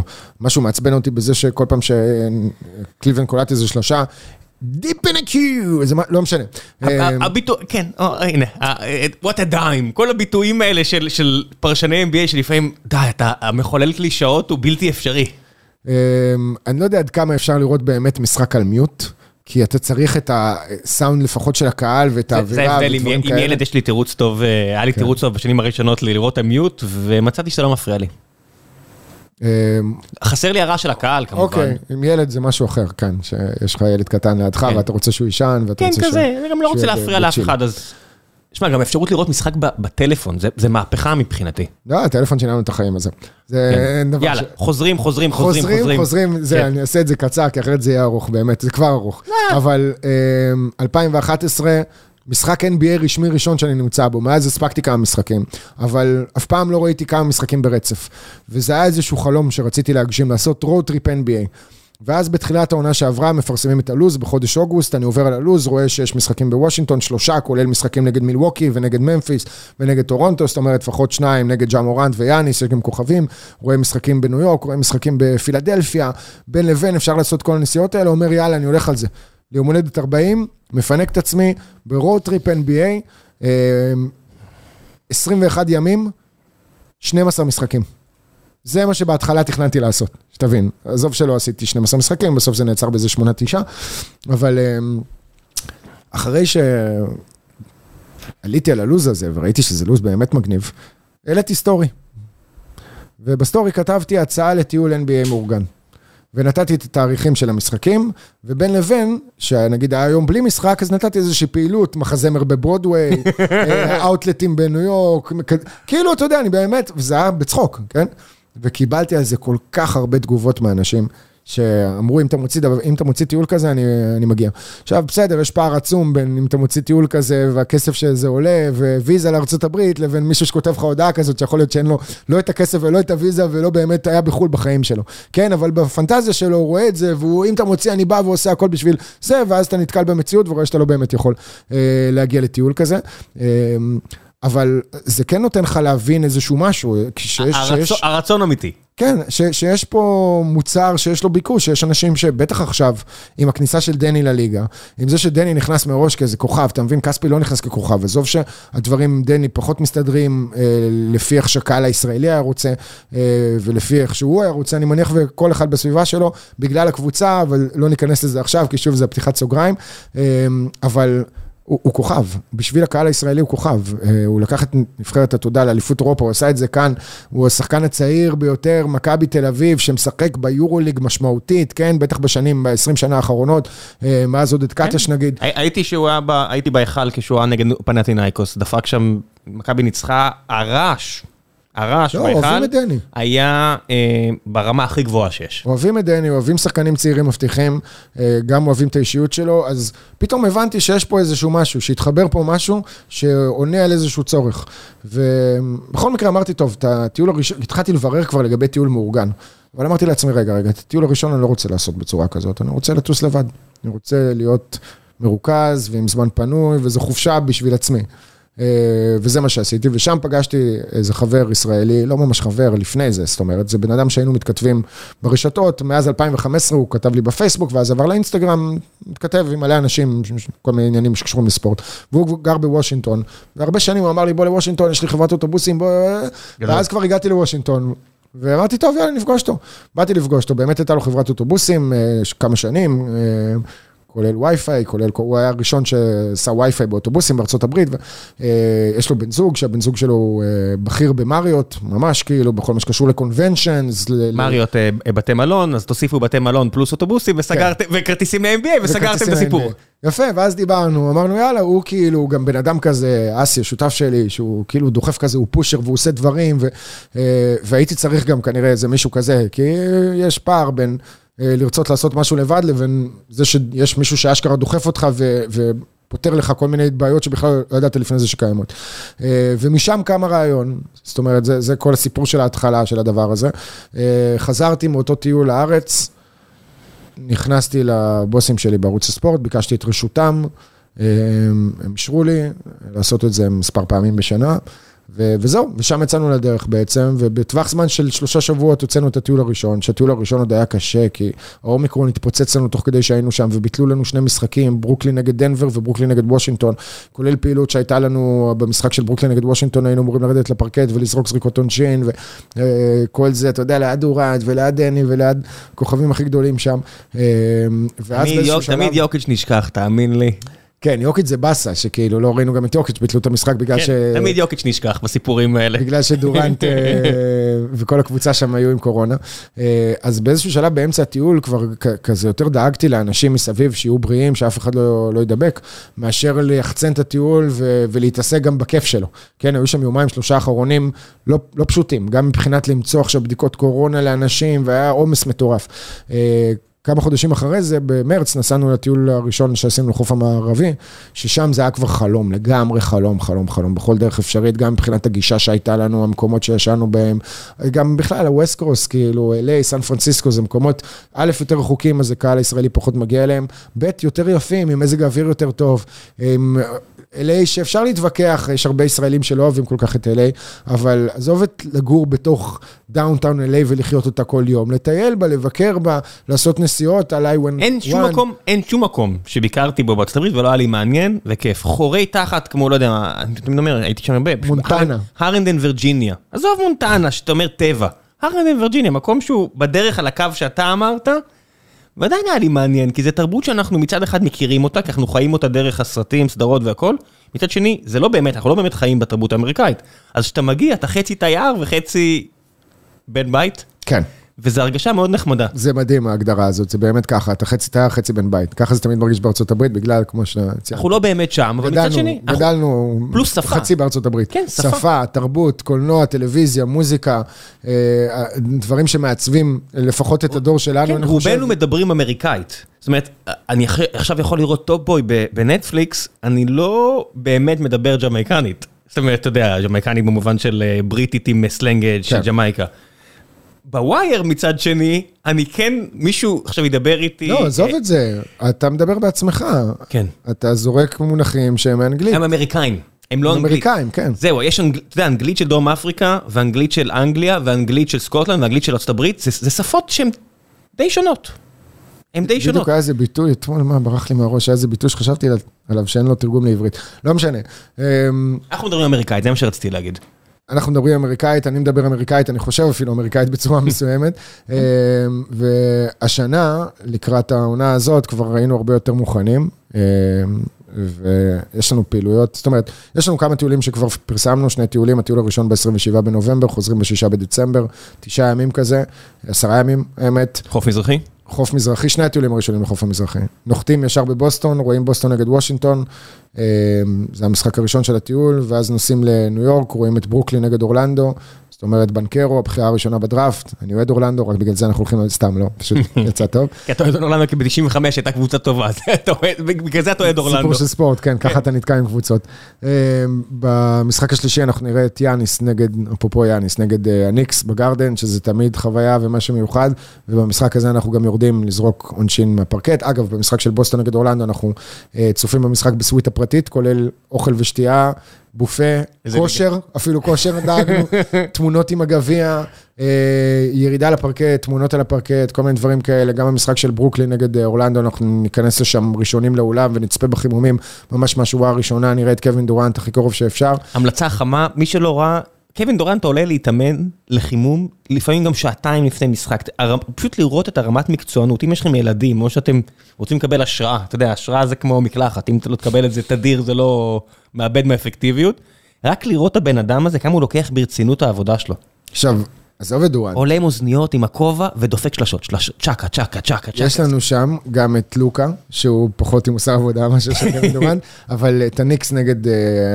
דאלאס כן. נגד לוקה בגרדן, שזה גם אירוע מיוחד, וזה משחק צהריים כי- כזה. כי- כי החבר של אה, לוקה עבר לשחק בצד השני? ג'לן ברנסון, כן, יש כן. יריבות עכשיו. אה, בוא נראה. הניקס לדאלאס. אני מהמר שכן. האמת שניקס ודאלאס זה שני שמות כאלה, שתי קבוצות שהולכות יד ביד בשנים האחרונות. היה את הטרייד עם פורזינגיס לדאלאס, כן. מניו יורק, בסוף זה לא כל כך עבד. עכשיו פורזינגיס בוושינגטון, כמו שאתם יודעים, ואפרופו וושינגטון, זה המשחק האחרון של הנסיעה הראשונה, וושינגטון נגד הלייקרס. ובמשחק הזה, אנחנו יושבים, גם לפני שהדלתות נפתחות, בשורה הראשונה מתחת לסל של הלייקרס. זאת אומרת, לברון מתחמם, ואתם שם. ואתם צמודים אליו, רואים את זה ומצלמים אותו, והכי קרוב שאפשר לברון ג'יימס, בסוף המשחק הזה גם אנחנו זורקים עונשין. אז זה ככה בקצרה, פעילויות ובלי הפתעות. בכל טיול יש הפתעות. וכשאני מדבר על הפתעות, זה הולכות להיות הפתעות גדולות. אוקיי? דברים שאני לא רוצה לחשוף, דברים שיקרו במהלך טיול, שנצלם אותם מן הסתם ונראה אותם כלפי חוץ. אז זה נגיד הטיול הראשון. שהוא טיול, אני חושב, קצת יותר של מבוגרים כזה, כי הוא לא נופל על חופש. אמ, הטיול השני זה בחופש חנוכה, מ-17 עד 25 בדצמבר. עכשיו, שתבין עד כמה אני כאילו מתכנן את הכל. אנחנו גם כאן מתחילים בבוסטון, נוחתים בכלל בניו יורק, אבל אתה בכלל נוסעים חוזר באוטובוס ארצה? לבוסטון. בין לבין? כן, בנסיעה הזאת ספציפית יש לי עשרה ימים בין לבין. אמ, נוחתים בבוסטון ב-17 בדצמבר. יום ראש, ב-17 בדצמבר נחים, נרגעים, מתרגלים לטיימזון, ואז ב-18 בדצמבר בוסטון משחקת נגד אורלנדו, בשעה שלוש בצהריים. אמ, שזה המשחק הראשון של הנסיעה הזאת. עכשיו, בוסטון, אמ, לא, רגע שנייה, איבדתי חוט משאבה. המשחק הזה בשלוש, אוקיי? ומה שקורה לפני זה, זה 18 בדצמבר. אתה יודע מה יש ב-18 בדצמבר? בשעה חמש שעון ישראל, גמר מונדיאל. אז כבר... אתה מבין כמה זה זר לי, הסיפור המטומטם הזה של- מונדיאל באמצע השנה? זה הזוי לכולנו. עכשיו הפתעת אותי לגמרי. שכחתי לגמרי שיש מונדיאל. אז ב-18 בדצמבר כבר סגרנו ספורטס בר, מקומות לראות בהם את המשחק גמר, ואחרי זה ישר אנחנו הולכים למשחק של בוסטון נגד? אורלנדו, זה יצא ב-10 בבוקר שעון אה. עש- עשר בבוקר זה ליגה לאומית. 10 בבוקר עד אחת כזה נגיד, בהנחה שיש פנדלים, או גם אם אין פנדלים, הנפה, וזה נגיד עד אחת, אחת ורבע, והמשחק בשלוש. כאילו, אתה יודע, דוך. גם נראה את זה בספורט, נראה בטי די גרדן. אוף. מה שכן, עשינו איזשהו switch קטן, וזה עכשיו אחד מה highlights של הנסיעה בעיניי, של הטיולים. אמ, אחרי המשחק הזה של בוסטון נגד אורלנדו, שמסתיים באזור חמש וחצי, היינו אמורים להישאר אה, בבוסטון עוד איזה לילה, לטייל בבוסטון, ואז לנסוע לניו יורק. ופתאום נפתחה לנו איזושהי אפשרות בשיחות שלנו עם הקבוצות, ובקשרים שלי ושל השותף שלי, ודברים שהצלחנו לשכנע אותם לעשות. והאפשרות הזאת היא לראות משחק של פילדלפיה, נגד טורונטו. עכשיו, הנסיעה בין בוסטון לפילי היא לא קצרה, יחסית לשאר הערים שציינתי. שש שעות. שש שעות, אפילו שש ורבע, משהו כזה. זאת אומרת שאנחנו נצא מה- מהטידי גרדן באזור שעה חמש וחצי, שש, ונעלה על האוטובוס, נעשה נסיעה עכשיו לפילדלפיה, שנגיע לשם באמצע הלילה. משהו שפחות uh, מסתדר לנו בלו"ז בדרך כלל. למה הפעם כן? כי למחרת פילי משחקת נגד טורונטו, ציינתי בערב, אנחנו נהיה במשחק, מקומות מעולים, גם כל מיני uh, חוויות במהלך המשחק עצמו, אבל כמה שעות לפני, באזור 12 וחצי, אחת בצהריים, אנחנו ניסע לווילס פארגו סנטר, הקבוצה שלנו, ונשחק חמש על חמש, גדול. על הפרקט של פילי. עכשיו, זה משהו שמתחת לרדאר עשינו, בלי קשר ל-NBA, אה, החברה שלנו הוציאה טיול כדורגל בסוף העונה שעברה, לברצלונה. אה, אחרי שהעונה הסתיימה, במשחק האחרון של ברסה נגד ויה ריאל, למחרת בעצם סגרנו איזשהו דיל, שוב, דרך קשרים כאלה ואחרים. אני לא הייתי בנסיעה הזאת, לא נסעתי אליה כי הייתי ביותר מדי חופשים כבר, והיינו בפלייאוף NBA וכאלה, אז לצערי פספסתי את זה, אבל אה, הדיל היה, משחקים על הדשא. של הקאמפ נו. על הדשא. כאילו, במקרה הזה זה לא היה 11 על 11, חילקו את המגרש לשני חצאים, שיהיה 7 על 7, כי הייתה קבוצה של איזה 56 אנשים, ואז ככה 28 אנשים יכלו לשחק במקביל, כאילו, שני מגרשים של 14, אה, אבל זה הסיפור של הטיולים האלה, אוקיי? מעבר לזה שאם גם אתה שם את הכל בצד, רק הנסיעה לארה"ב והתנאים במלון והמשחקים וה, וה, והחוויות של ה-NBA, בלי קשר לירידה לפרקט, לזריקה, זה עוד בלי שדיברתי על הטיול בפברואר, בפברואר אנחנו נוסעים ל West Coast, וב West Coast אני הולך לשים אנשים אה, במנהרה. של השחקנים לפני עלייה למגרש. איפה? אפרופו יאניס, מילווקי, נגד הקליפרס. אה, מי שיגיע לטיול הזה, מ-NBA טריפס, ייתן כיפים ליאניס שעולה למגרש, יש שם גם החזקת דגל ארצות הברית במהלך ההמנון. עכשיו, זה נשמע כאילו כלום, אבל אתה מבין שזה כמה דקות, כל הפעילויות האלה הן נורא מהירות, הכל קורה מהר ועובר מהר, וזה כאילו מרהיב ומטורף, זה כמו איזה רכב אה, פאר כזה, שכאילו עובר לידך במהירות כזאת, ואתה מצד אחד מתפעל, מצד שני אתה לא מספיק להבין בכלל מה היה פה ולהתעמק בחוויה, שזה, גנבתי את הציטוט הזה לאלון עידן. זה הדבר הכי יפה שמישהו כתב עליי אי פעם. אלון עידן, לא זה שכתבו עליי יותר מדי, אבל לפני שבע, שמונה שנים, משהו כזה, כתב עליי ביקורת בעיתון הארץ, והוא כתב כאילו הרבה דברים טובים, ואז הוא ציין ש... הוא ציין ש... יחד עם זאת יש בעיה. אתה הדור החדש של התקשורת. לא, לא יודע אם הדור החדש, אבל זה הוא... מה שכתוב שם, לא? הוא החמיא לי. כן. גם היה טור אחר שהוא פירק אותי שם, אבל לא משנה. זה היה לפני זה, אני חושב.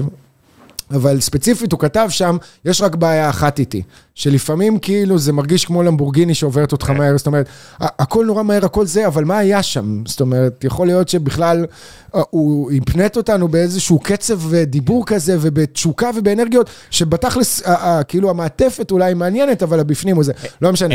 איזה קוסם אלון עידן. הוא הכותב הכי מוכשר. הוא וניר צדוק, באמת, ניר צדוק פשוט סגנון מאוד אחר, אבל אלון עידן, הטור הזה שהוא כתב על מודי בר-און, לפני שכולנו ידענו שיש לו סרטן, גם אלון לא ידע שיש לו סרטן, והוא כתב שמשהו בו קבע. זה נראה כאילו הוא לא רוצה להיות שם יותר, וזה היה ממש שבועיים לפני שמודי יצא עם הסרטן החוצה. ומודי ז"ל, צריך להגיד. ואיזה... זה בן אדם שהשילוב הזה בין לדעת לכתוב, לבין לאהוב מאוד ספורט, מטניס, שהוא מן הסתם הכי הרבה, לכל דבר אחר, פלוס לדעת להבין אנשים, איזה... איזה קוסם אלון עידן. הבעיה זה שלא מספיק אנשים נחשפים לעיתון הארץ, כי בעיניי אלון עידן מהפכן. לדוגמה, יש איזה טור אחד שלו שאני לא אשכח בחיים, שעד היום, כמעט בכל אה, יום בשבוע, אני נתקל בטור הזה, זאת אומרת, בראש שלי. וזה הטור על המכוניות, על המכוניות בתל אביב. על, לא יודע אם נתקלת בזה, אבל... זה לא בטור של הספורט, זה בטור לא, של לא, ה... לא. יש לו בתחילת הארץ של המילה. זה טור שהוא כתב על האנשים שמשתתפים במשחק שהוא לא שלהם. מה זאת אומרת? וזה טור גאוני. ומאז אני כל הזמן, כאילו, זה מהדהד לי. אנשים ששומרים חניות. אתה עכשיו בתל אביב מחפש חניה, אתה מגיע, דיזינגוף, whatever, כחול לבן, חניה ריקה, עומד שם בן אדם, והוא מחכה. הוא שומר את החניה לחבר שלו, לחברה שלו, whatever. ואלון עידן כתב שם, חבר'ה, זה משחק של מכוניות. אתם לא יכולים לערב בני אדם במשחק הזה של מכוניות. אני זוכר את זה. ואני כל כך מסכים עם זה.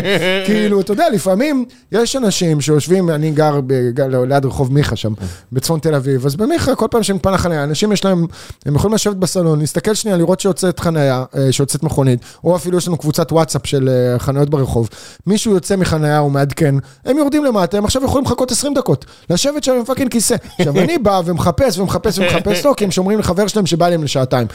תוציאו את האנשים מהמשחק של הרכבים, אוקיי? זה עולם אחר לגמרי. בקיצור... לא ברור בכלל אם זה חוקי או לא. פעם נכנסתי לאיזה ריב עם מישהו, אה, לא ברור בכלל אם זה חוקי או לא. זה לא חוקי. כי עקרונית זה לא חוקי. אתה בגדול אה, עוצר תנועה, כבן אדם, אסור לך. כן, אבל מה אתה יכול לעשות? מה, תדרוס את הבן אדם? רוד רייג' זה דבר אמיתי. אם אתה... רודריץ' זה דבר אמיתי, מצד שני אם אתה גם נכנס לסיפור כזה, אז אתה חושף את הרכב שלך, אחרי זה נגיד שהזזת את הבן אדם, כאילו, הוא עצבן אותך, ואמרת, אני דורס אותך אם אתה לא זז, ואז הוא זז. אל תופתע אם קרה לך את הצמיגים. כן, אם קרה לך את הצמיגים, ניפץ לך את החלון, את השמשה, משהו כזה. אמ, בקיצור, נחזור חזרה לפתיחת הסוגריים הזאת, אז בכל מה שקשור אה, לטיולים האלה ולחוויה הזאת, ומעבר לדברים הבסיסיים, אתה מקבל פה באמת אה, רגעים שלא היית יכול להגיע אליהם בשום מקום אחר, ותוסיף על זה את האנשים שמצטרפים לטיול. אוקיי? עזוב את זה שאני לא, אה, כאילו, יש אנשים שמבחינתם הם מאוד מעריכים אותי וזה, אני לא מעריך את עצמי יותר מדי, למרות מה שאנשים חושבים. רובנו צריכים לא להעריך את עצמנו, להעריך את עצמנו פחות. כשאני נוסע עכשיו לטיול הראשון של נובמבר, אני מבחינתי, מה שיביא אנשים זה לא אני, זה סימי. זה כמו שהבאתי את סימי לטיול ב... אני חושב שאתה יותר. במרץ. לא, אני דווקא חושב שסימי יותר. לא, אבל, אבל אני- שוב, זה- יכול להיות שאני טועה, אני לא יודע. אני מנסה להיות אובייקטיבי, כי אני גם מכיר אותך ופחות מכיר אני את לא יודע, סימי, אני לא אבל, אה, אובייקטיבי, אני חושב שסימי הוא אחד האנשים הכי מצחיקים שקיימים ב- בכדור הזה, בכדור הארץ הזה, וזאת חוויה יוצאת דופן איתו. אז כאילו מבחינתי, אוקיי, לייצר חוויה באמת שהיא אחרת, שהיא באמת בלתי נשכחת, לא רק ב- בכל מה שקשור לדברים שהם יעשו, לכדורים שהם ייגעו בהם, לכמה קרוב הם יראו שחקנים, עם איזה שחקנים הם יצטלמו, אה, גם האנשים שמלווים אותם, גם התנאים של הטיול, כל מיני רגעים יושבים שנוצרים. ביחד? כן. כאילו, אתם תופסים שורה? כן, ברוב המשחקים אנחנו יושבים ביחד, אנחנו קונים את הכרטיסים באופן קבוצתי. אמ, ואני יכול להגיד לך שיש שתי קבוצות וואטסאפ של שני הטיולים הראשונים, שתי קבוצות מאוד פעילות עד היום. אה, אנשים שהפכו להיות שם חברים לכל החיים. מה זה, שבועיים טיול? בטח זה אתה מגיע שבוע, שבועיים, כן? לבד לטיול, ואנשים בהתחלה חוששים מזה, אבל יש כמה אנשים שמגיעים לכל טיול לבד, והם הם מתחברים לאחרים, כי בסופו של דבר, מי שמגיע לבד ברוב המקרים זה או חבר'ה צעירים או חבר'ה מבוגרים, היו לנו אנשים בגיל 60 פלוס, איזה שניים בני 60 פלוס כן, תחשוב, אנשים לבד. שאוהבים ספורט ואין להם מישהו בסביבה לחלוק עם זה, דבר כזה זה- זה מדהים. אז כאן זה מחזיר אותנו לחוויה הזאת של הלבד או של הביחד. כאן זה חוויה שגם אם אתה נוסע אליה לבד, מגיע ביחד, לבד בקבוצה? בעצמך, אתה ביחד עם קבוצה, אתה מכיר אנשים חדשים, אתה הופך להיות חבר שלהם, הם כולם גם חברים שלי, כאילו, עד עכשיו, או רובם, אתה יודע, יש כאלה שהיה חיבור יותר, אה, יותר חזק, וכאלה שפחות, גם פערי גילאים, גם אה, דברים בח- בחיים, ש- שמכנה משותף כרגע, אבל בגדול אני בקשר עם כולם. אה, ועם חלק בצורה הרבה יותר אינטנסיבית, שהם ממש הפכו להיות חברים שלי. איזה מוזיקה שמים באוטובוס? איזה מוזיקה שמים באוטובוס, אה, אה, אתה המוזיקלי שלך מאוד מובחן. אני עושה ראפ. אני יודע.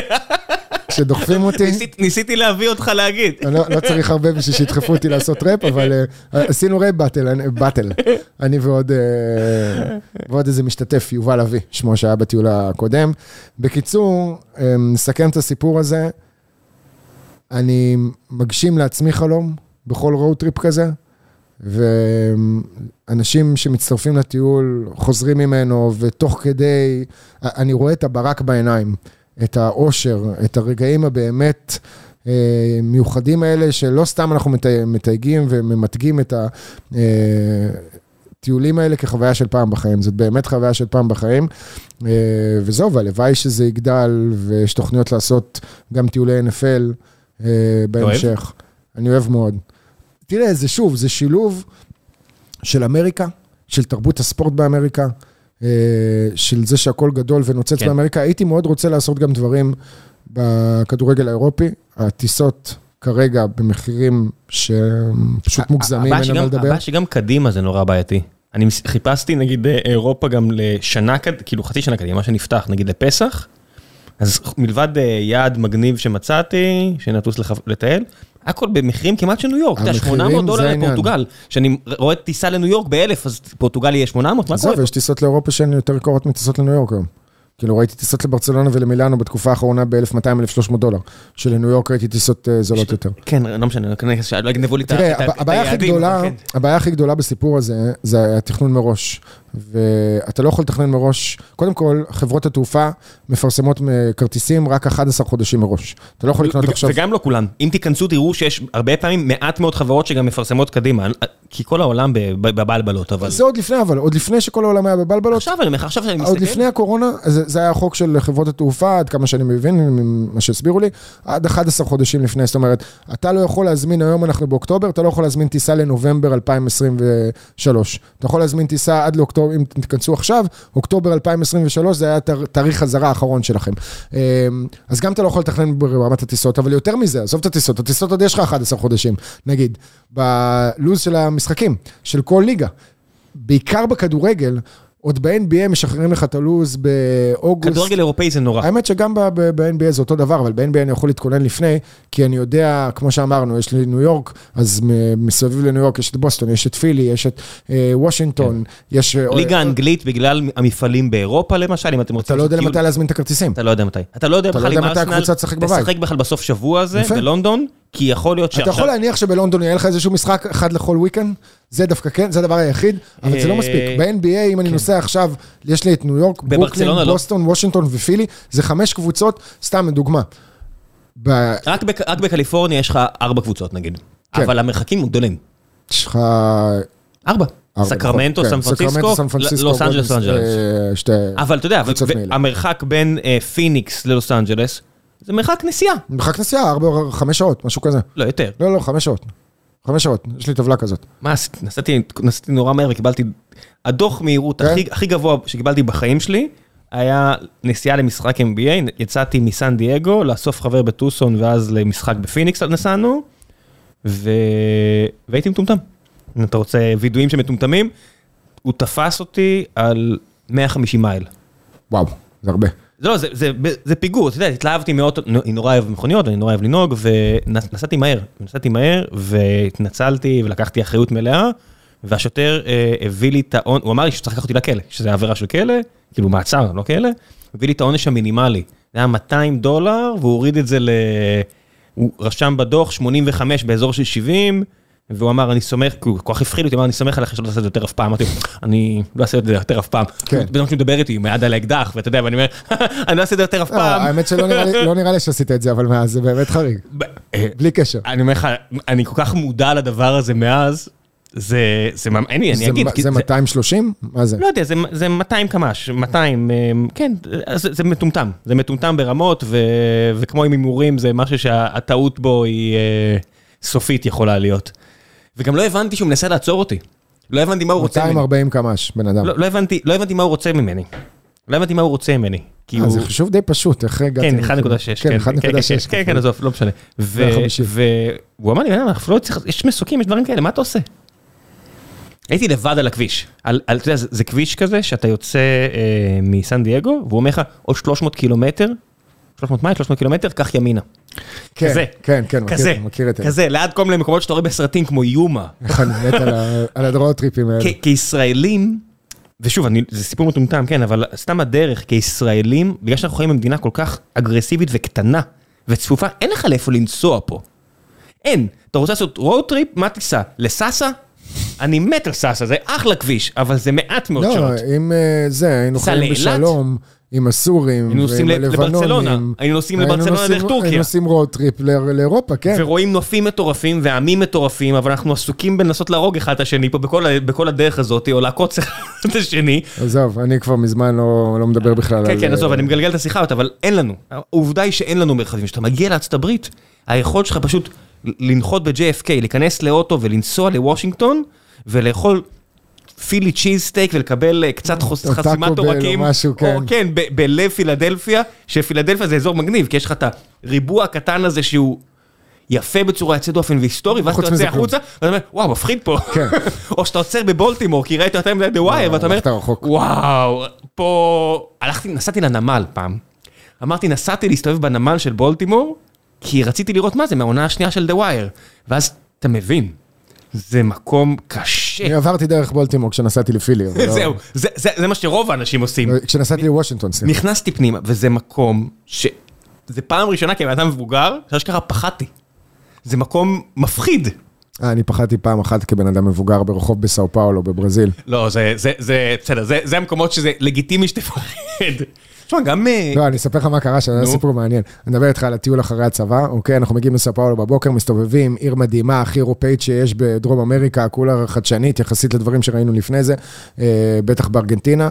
אה, מגיעים לעיר, מסתובבים, מטיילים, צהריים, חוזרים למלון, מגיעים לחדר, מחליטים לעשות איזה שנץ, בערב לצאת, מתעוררים באזור 6, 7, משהו כזה, ואז עושים משחק, אני לא יודע אם מותר לדבר על זה פה בגיקונומי וזה, אבל עושים הכל. משחק עישונים, כן, מותר אוקיי? הכל. אז מעשנים, אה, כל אחד... אנחנו גם שעה 40, מי שלא... אף זה- אחד זה- לא פה. זה רק אנחנו. אף אחד לא פה, כן, רק זה אנחנו. רק אנחנו. אמ, אנחנו, כל אחד עושה ראש, עד שכאילו, עד שאתה, אתה יודע, נגמר.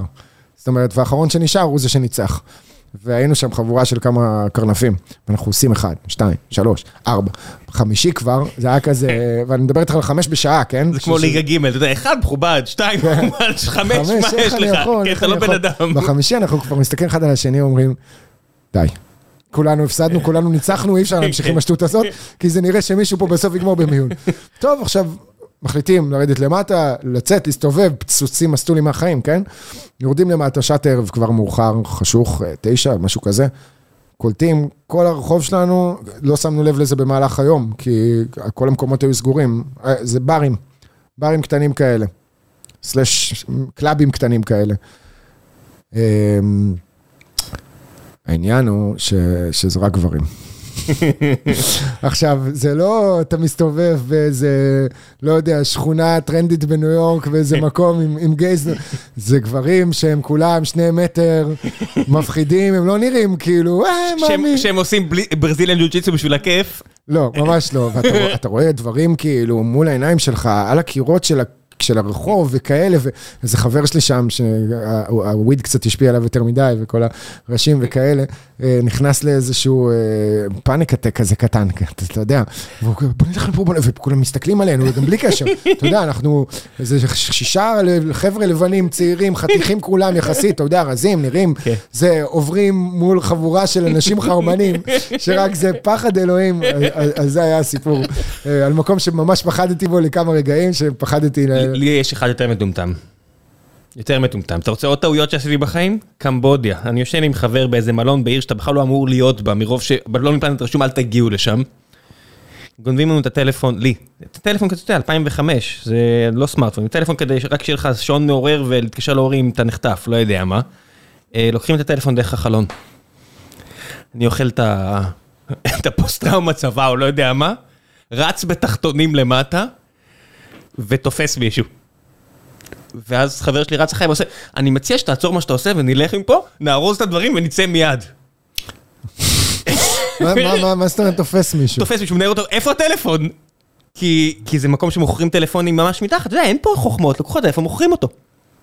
עכשיו, אתה יכול לזהות את הטלפון. ואתה יודע, אני ממליץ בחום שנפסיק מה שאנחנו עושים ונלך. אני נוטה להסכים מה שאתה אומר, כן. אתה יודע, אתה רוצה, מניח לאדם. לפחות עשית את זה בקמבודיה כן, ולא במלזיה או משהו כזה. לא, לא, זה מקום מטומטם באותה מידה. אתה יודע, אתה מנהל אותו, מסדר אותו, כזה אני מיישר לו את החולצה, אדוני, אני עכשיו אצא פה בריצה. תודה רבה, להתראות. אה, כן, אני דווקא את הדברים האלה לא נוהג לעשות, אבל אם נחזור לסגירת פתיחת הסוגריים, ככה רק לסגור פה את הסיפור הזה, אז יש התכנות, נגיד הטיול של אה, חג המולד, של חנוכה, זה יוצא ממש על חופש חנוכה, אני קניתי את הכרטיסים כבר בחודש מרץ, כרטיסי טיסה. כי אמרתי, אוקיי, אני יודע שהכרטיסים האלה יעלו המון כסף, בואו נקנה אותם עכשיו, נהיה כמו נמלה שעובדת בקיץ. הוספת את כל הביטוחים הנחוצים? אה, כן, לא, לא, לא, לא עניין של ביטוחים, אתה יכול להכניס, אתה קונה כרטיסים קבוצתיים, אתה צריך להזין את השמות רק בשלב מסוים, אני עוד לא צריך להתחיל... לא, ביטוחים על ביטולים. כן, כן, כן, כן, הכל, הכל מכוסה מהבחינה הזאת. מה שאני אומר אבל, זה שמראש הזמנתי כרטיסים שיהיו בדיוק על חופש חנוכה, שגם טיולי בר מצווה וגם נשים, אתה יודע, לאו דווקא בר מצווה, ילדים שבבית ספר אה, בחופש עכשיו, שזה לא יפגע להם בלימודים וכולי, ולא ידעתי איזה משחקים הולכים להיות. חיכיתי. שיפרסמו את הלו"ז כדי להבין מה אני בונה מסביב לזה, כי שיערתי שבניו יורק יהיה בתקופת זמן הזאת, ב Christmas, כמה משחקים טובים. הבאסה היחידה שלי בסיפור זה שוושינגטון לא באזור, וושינגטון uh, נמצאת בחוף המערבי באותו זמן, אבל גולדן סטייט מגיע לשני משחקים בניו יורק באותו זמן, נגד ברוקלין ונגד הניקס, um, ניקס נגד פילדלפיה, מילווקי נגד ברוקלין, יאניס נגד דורנט, um, זאת אומרת, כל מה שמאפיין את הבחירת טיולים בסוף, מה שמוביל את הבחירת טיולים האלה, זה המשחקים עצמם. ספורט. זה, זה, זה הפרופיל והאטרקטיביות של המשחקים. עכשיו, שים לב, יש לנו שני טיולים סמוכים אחד לשני, זה לא אידיאלי, זה לא משהו שהייתי רוצה. לחזור לפה ועשרה ימים אחרי זה לטוס לעוד טיול. גם כאילו כשאתה מוכר את הטיול, אז יש אנשים שאומרים, מה, מה ההבדל? אוקיי, אני אבוא לפה, אני אבוא לשם, זה, זה פחות או יותר אותו דבר. אמ, אבל קבענו את הלו"ז אך ורק על פי איכות משחקים. כשבחוף המערבי בפברואר אנחנו רואים את ה top של ה top, זה הקליפרס נגד מילווקי, הקליפרס נגד דאלאס, גולדן סטייט נגד הלייקרס, כן. גולדן סטייט נגד וושינגטון, יש קבוצות השנה, השנה הליגה עמוקה בצורה היסטורית, אבל יש קבוצות כמו סן אנטוניו, כמו אוקלהומה, ש... וואלה, אין מה לראות משחקים שלהם. לא, אין מה לראות משחקים. כאן ספציפית, בנסיעה של פברואר... אין הרבה כאלה. אני מדבר איתך גם בשביל אוהד ה-NBA הממוצע ופלוס הקהל הישראלי. יש לך בנסיעה אחת של שמונה ימים.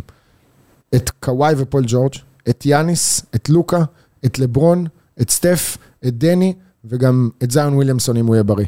ויש אמרת, גם... אמרת על זיון וויליאמסון אם הוא יהיה בריא ולא על קוואי? אה, בסדר, קוואי עוד הספיק לשחק קצת ב-NBA, לקח איזה אליפות, היה וויליאמסון עשה 88 משחקים בשלוש עונות. אה, ורגע לפני האולסטאר, ניו אורלינס נגד הלייקרס, עם סיכוי של 8% לפי המודל ההסתברותי, שלברון ג'יימס ישבור את שיא הנקודות בכל הזמנים במשחק הזה. הסיכוי גבוה יותר אה, הוא, הוא במרץ, נגד, אה, לא זוכר, אולי נגד גולדן סטייט, איזה 50 לברון רודף אחרי אה, השיא של קרים עבדול ג'באר, כמות הנקודות בעונה הרגילה, אה, ברגע שהוא ישבור את זה, כל הכרטיסים האלה שווים הרבה יותר מאשר ששילמתם עליהם. בוא נגיד שאנחנו מגיעים למשחק לפני, זאת אומרת שהן אה, חסרות לו 20 נקודות לשבור את השיא. הכרטיסים למשחק הזה יעלו, וואו, ואני מאוד מקווה שזה ייפול אולי, למרות שהסיכוי נמוך, אבל... זה, זה רגע שיעצרו את המשחק, רק שתבינו, ככה זה בספורט אמריקאי, כמו שבמשחק פרישה של אה, קובי נתנו לו, עצרו את המשחק, לעשר דקות, הוא יבכה, כמו שסטף עכשיו שעבר את שיא השלשות, שנה שעברה בגרדן. אתה מבין, גם שם חיפשתי את סטף, במשחק הראשון שראינו, בטיול הראשון של NBA טריפס, בוסטון נגד גולדן סטייט, מה שהיה הגמר גם בסוף, משחק אחרי שסטף שבר שיא השלשות בגרדן.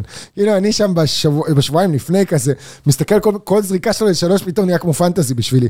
אני אומר, לא, תחטיא, תחטיא, תחטיא. ואז במשחק מסוים, לא, לא, תקלע, אני צריך כאילו שכן, דווקא תגיע קרוב ותשבור לנו את השיא בבוסטון. אה, אז מקווה מאוד שזה יסתדר, או שמקסימום זה יקרה משחק אחרי. אה, בקיצור, הרבה הרבה דברים לפנינו בעונה הזאת, ואני מחכה לזה בקוצר רוח, ואני מקווה גם שמתישהו, אתה יודע, אתה תצטרף. אני, אני יותר מאשמח. טוב, בוא נעשה שלב אחרון אה, המלצות, ותן קצת במוזיקה, מה בא לך להמליץ? יש פה כמה שאלות מן הקהל, אבל האמת שחפרנו פה כל כך הרבה. המלצות על מה? ת, תבין כמה אני אוהב את החבר'ה האלה. אה, איציק ששו שולח פה הודעה, כי הבראוזר פתוח, כי אני צריך עכשיו להקריא שאלות מן הקהל. אז איציק שולח, שולח לי הודעה, אה... טוב, אני לא יכול לעשות את זה. מה? אני לא יכול להוציא, אה, הוא שולח, עזוב, אני לא יכול, אני לא אפיל. מה, נו, אתה לא... לא, לא, לא, לא, אתה לא יכול לעשות את מה שאתה עושה עכשיו. אני, אנשים יאלצו להאמין שהקבוצה של ציון שלוש היא באמת פרועה מדי. יש דברים שעדיף להשאיר בקבוצה. אה, כן, זה מה יש. טוב, בוא נעשה קצת שאלות מן הקהל, ובינתיים תחשוב על המלצות מה בא לך להמליץ, או מוזיקה או סדרות. אה, יאללה. עדי שואל, איזה קבוצה הכי מתאימה לעבדיה מבחינת סגנון המשחק, וכן מבחינת ההתקדמות האישית שלו? תראה, זה לא עניין של מבחינת סגנון, זאת אומרת, אם אתה רוצה לשים אותו בקבוצת כדורסל טובה עכשיו, אה, ולהבליט את היכולת שלו, אז אני חושב שזה קבוצות בסטייל של גולדן סטייט, אוקיי? אבל שיש להם כדורסל מאוד ברור, אה, עם הרבה מסירות, עם הרבה שיתוף של הכדור. אה, עם סוג של system כזה שעובד בשביל אה, שחקן אחד כביכול סטף, אבל זה לא בשביל שחקן אחד, זה השיטה של הקבוצה. אה, דני היה יכול לפרוח בקבוצה כזאת מצד אחד, מצד שני הוא לא היה יכול להיות באמת כוכב, והוא לא היה יכול באמת להתקדם. אני אגיד את זה בצורה הכי ברורה, אני חושב שדני מבחינת היכולת שלו, הסקילסט שלו והבנת המשחק וקריאת המשחק, יש לו פוטנציאל אמיתי להיות אולסטאר. הפער בין זה לבין הצלחה, הוא... זאת אומרת, לבין להיות אולסטאר ולהיות בקריירה יחסית מדשדשת, הוא פער עצום וגדול, והוא יושב על עניינים מנטליים נטו. מעבר לזה שזה עניינים מנטליים, יש את הקבוצה שהוא הגיע אליה. וושינגטון זו קבוצה בבעיה, בבעיה גדולה. מהרגע שהוא נכנס לליגה, זה לא המקום שאתה רוצה להיות בו, זה לא המקום שמפתח שחקנים, בטח לא בעונה הקרובה, שהקבוצה הזאת סופר עמוקה וסופר עמוסה. אני מתפלל, או מחזיק אצבעות, או שיעשו שם retooling, rebuilding, ויבינו בשלב מסוים שברדלי ביל צריך לעבור ב trade לקבוצה איזה אחרת. איזה trade? בסדר, יש לו את החוזה החדש של החמש שנים. מי יכול לקחת את החוזה הזה? את החוזה יכולים לקחת, זה לא העניין. העניין הם לוקחים את הסעיף trade. אה, יש לו סעיף שהוא יכול להטיל וטו על אה, קבוצות. ו... זו הייתה החלטה ממש ממש אה, הזויה בעיניי. בינו לבין פורזינגס, לבין אפילו השחקנים האחרים שהם כביכול לא כוכבים, אבל בראש שלהם כן כוכבים, אני לא מבין איזה כדורים הוא הולך לקבל. הוא הולך לזרוק מקסימום 4-5 פעמים במשחק. זה מרגיש ככה. אני... אני מקווה שאני אטעה, כי אני מאוד, אני מאוד, אני, אני פרובינציאלי מאוד, ואני מאוד... אני מאמין, אני מאמין בו מצד אחד, מצד שני אני לא מאמין בקבוצה. אתה מבין? אז יש פה איזושהי אה, התנגשות כזאת. הוא לא פי.ג'יי טאקר, הוא בן אדם שצריך לקבל את הכדור. הוא צריך את הכדור. הביטחון העצמי שלו, ממה שאני מאבחן, אני לא פסיכולוג ואני לא כזה אוהב ספורט, אתה יודע, אני לא מבין בספורט כמוך, אבל נראה שהוא לא מקבל את הכדורים בהתקפה, הקלמפס הזה והכל, תראה, דני זה סיפור מאוד מאוד פשוט. זה נגזרת, היכולת שלו זה נגזרת של הגב והאמון שנותנים בו. דני צריך את הביטחון הזה מהמאמן. משאר השחקנים. אם הוא היה משחק עכשיו בקבוצה, כמו אורלנדו, כמו פרנץ וגנר, שהגיע למג'יק אה, בסיטואציה הרבה יותר נוחה, שכולם שם כמעט ענק. פצועים, ונהיה כוכב, דני היה יכול להיות אותו דבר, אבל הנחיתה שלו בוושינגטון... פרנס, אשכרה יכול להיות אולסטאר תראה, בקצב יש הזה. שחקנים אני מגזים, מסוימים... אבל... אה, לא, לא, לא, אתה ממש לא מגזים. לא? אתה ממש לא מגזים. זה תשמע, לגמרי שם. אליפות אירופה הייתה זה פצצה. לגמרי שם, זה לגמרי שם. זה שחקן ברמה אה, של אולי להיות אולסטאר. כאילו, זה שחקן אירופי. עזוב, נו, בשנת שלו ה rookie מעולים. שלו הוא היה מדהים. המספרים שלו זה לא רק מעולים. המספרים, זה גם הסטייל, זה הסגנון, זה יש משהו מאוד מאוד נקי במשחק שלו, מאוד חכם במשחק שלו, ראינו את זה גם ביורו-בסקט, ראינו את זה גם באורלנדו. אה, לפעמים הוא עושה דברים ש- שמרגיש שהוא אה, לא מתאמץ בכלל, וזו הפתעה גדולה, כן, לכולם, למרות שאורלנדו בחרה בו בבחירה שמינית, וזו בחירה יחסית גבוהה, אבל מה שאני אומר שזאת השוואה מאוד מאוד נכונה ומאוד טובה. על אותו משקל אתה לוקח שחקן כמו מריו הזוניה, זה גם שחקן עם skillset אה, שמזכיר את דני בצורה כזאת או אחרת, ומריו אזוניה נכנס לאורלנדו בתחילת הדרך ולא הצליח לבוא שם לידי ביטוי דווקא. אה, אז יש שחקנים שלא מצליחים, יש שחקנים שכן מצליחים, יש שחקנים שלא משנה איפה תשים אותם, באיזה סיטואציה, הם השתלטו על המשחק ועל העניינים ועל הקבוצה הזאת, ויש שחקנים מסוימים שבסיטואציה ספציפית יפרחו, ובסיטואציה אחרת ינבלו, והקריירה שלהם תראה אחרת לגמרי. זה הכל קשור לפתיחה שלך, אה, וכאן בהקשר הזה אני חושב שלדני עוד יש הזדמנות לתקן. זאת אומרת, מה זה לתקן? לתקן זה כרגע לצמוח עוד. לצמוח לכיוון של באמת להיות שחקן שמפלרטט עם בחירות לאולסטאר בעתיד. כן? למרות והוא רק ש- מתחיל את העונה כן. השלישית שלו. גם אם הוא רק אה, יחזיק קריירה כמו של כספי של עשור בליגה, לא, הוא יעשה הכבוד, יותר, הוא יעשה לעשות יותר. עשרות מיליון דולרים וליהנות ולחיות את החיים זה גם לא רע. הוא שחקן NBA לכל דבר, הוא יעשה סכומי כסף גבוהים, הוא יהיה שחקן, לכל הפחות, הוא יהיה שחקן שישי, אתה יודע, top אה, שחקני ספסל בליגה הזאת. אה, נועם שואל, נועם וורקט שואל, אה, בקי האמון, ראויה- למשרת מאמן ראשי? כן, כאילו, אתה יודע, מבחינת ה track record שלה והניסיון שלה בכדורסל. היו. מאמנים יותר הזויים, בוא נגיד. לא, אני בשלב הזה כבר, אתה יודע, אנחנו, מה זה ראויה? כאישה? אם היא ראויה או לא כאישה? כל עוזר מאמן בספיירס ראוי. בואי, בואו. כל מי שעבד תחת גרג פופוביץ' ראוי. מעבר לזה, ב-NBA אנחנו, התרבות האמריקאית בכל מה שקשור לקבלת נשים במקומות עבודה, אה, עשתה התקדמות בלתי ניתנת להבנה בכלל בעשור האחרון. זאת אומרת, הסביבת עבודה שאנחנו, נגיד פה, חושבים על קבוצת כדורגל ישראלית ועל הקללות שרצות בחדר הלבשה ועל הבדיחות על סקס וכל מיני דברים כאלה, אז אין את זה כל כך הרבה כבר בקבוצות כדורסל אמריקאיות. רק תראו מה קרה בבוסטון. אנחנו עדיין לא יודעים בדיוק, בדיוק מה קרה, אבל אנחנו יודעים קווי מתאר, ואנחנו רואים שהסיבולת ל... או בבוסטון או בפיניקס. שתי דוגמאות אנחנו רואים השנה. במקרה אחד בעלים נזרק מהליגה, על הערות, על הערות שאם אני אגיד לכם אותם עכשיו, אתם לא תבינו מה הקטע, אבל כאנשים שחורים בארצות הברית הייתם מבינים מה הקטע, וזה, והעונש הוא מוחלט, ובבוסטון, המאמן הראשי, שלקח את הקבוצה עד לגמר, שהוא כוכב עולה בשמי האימון בטירוף, כנראה היה במערכת יחסים, לא יודע אם הסכמה, לא הסכמה, לא יודע מה היה שם, עם עובדת המועדון, כנראה שבהסכמה אחרת. עזוב, הסיפור הזה יצא לגמרי מתישהו הוא בזמן יצא, הקרוב, אבל מה אנחנו נבין שבטוח עד כמה הוא זה ש- חמור. שהבן אדם נזרק, הושעה לשנה שלמה. זאת אומרת, אין משכורת שנה שלמה, והקריירה שלו שעפה למעלה, נעצרה באותו רגע. אז רק תבינו את הסנטימנט כרגע בליגה. מצד שני, ברור שגם אנחנו רואים שהשחקנים ממשיכים לעשות מה שהם שחקנים, מה שספורטאים יפים ועשירים עושים, והכל, אז, אז אני, אתה יודע. כן, אבל האקלים הנוכחי בכל מה שקשור לסביבת עבודה של קבוצת NBA, מאפשר את השילוב של נשים בכל תפקיד שלא קיים, אוקיי? כולל אם הן היו צריכות עכשיו להיות שחקניות אה, בקבוצת גברים.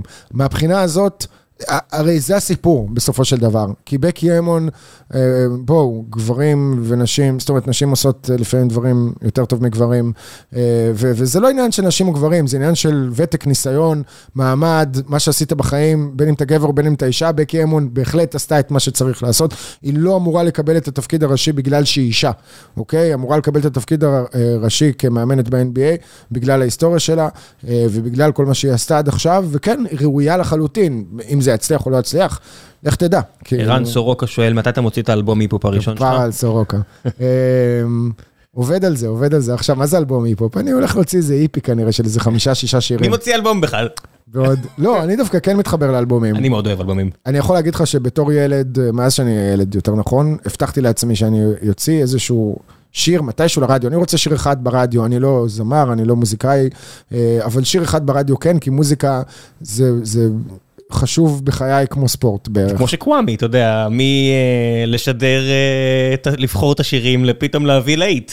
איזה להיט יש לקוואמי? עם רמי פורטיס, נו מה. אה, שנייה, נו, איך זה נקרא? אתה מכיר בטוח? נכון, נכון, נכון, עכשיו אני כאילו לא, לא מצלצל לי. רמי פורטיס, תסחטי אותי. פצצה של שיר. עזוב אותך, פצצה של שיר. כן, כן, כן, פצצה של שיר, כל הכבוד. כי זה כיף, אתה יודע, כזה one-off כזה. לא יבנה מזה קריירה מוזיקלית. שנים חשבתי על זה, אבל... והקלטתי איזה כמה קטעים בשנים האחרונות, אבל פתאום פחות התחבר לי להוציא שיר. סינגל. זה מפחיד. לא, לא עניין של מפחיד.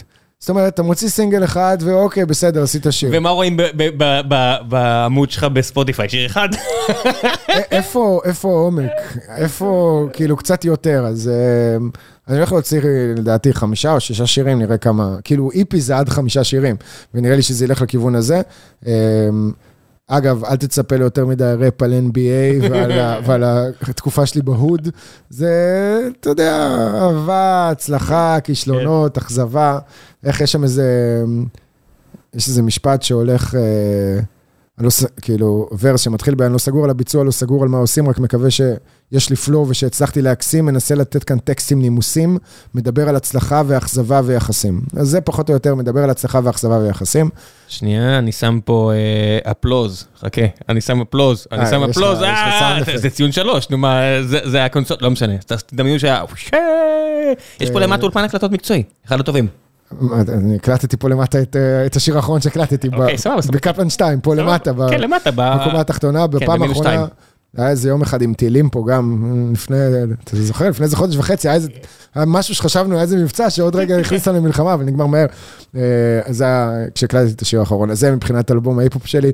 אין לי יומרות לעשות קריירה מוזיקלית, אבל כן. מתי זה, when does it drop? מתישהו בשנת 2023, שהיא שנת הג'ורדן, בלוח השנה הכדורסלני. אני מעריך שדי בתחילת השנה, אני... בוא נגיד שאני מקווה שעד פסח אני אוציא את הפרויקט הזה, ואני כרגע לא מתיימר לצאת לטור של הופעות או דברים כאלה, בטח אני אתארח אצל חבר שלי פלד באיזו הופעה ככה בשביל הכיף, כי איך שושנה דמארי אמרה, אין מרפא כמו... איך, עכשיו ברח לי המשפט הזה, מחיאות כפיים זה כמו מרפא לנשמה. קשה. ואני פעם אחת פלד הגשים לי את החלום הזה, עליתי איתו להופעה באיזה ורס שכתבתי כאילו, שעשינו פריסטייל כזה. אין, אין דברים כאלה, אין. כאילו להיות על במה, ועוד במוזיקה, ובטירוף בהופעות שלו וכאלה. אז זהו, אז אני אוציא את זה ונראה אם זה יתפוס, זה יהיה נחמד. מד ריספקט לפלד. גם אם לא, זה משהו שאני חייב לעשות, כאילו. אתה יודע, מוזיקה, בסופו של דבר, ואני לא מנסה לפתח פה את קריירה, כן? בשום צורה.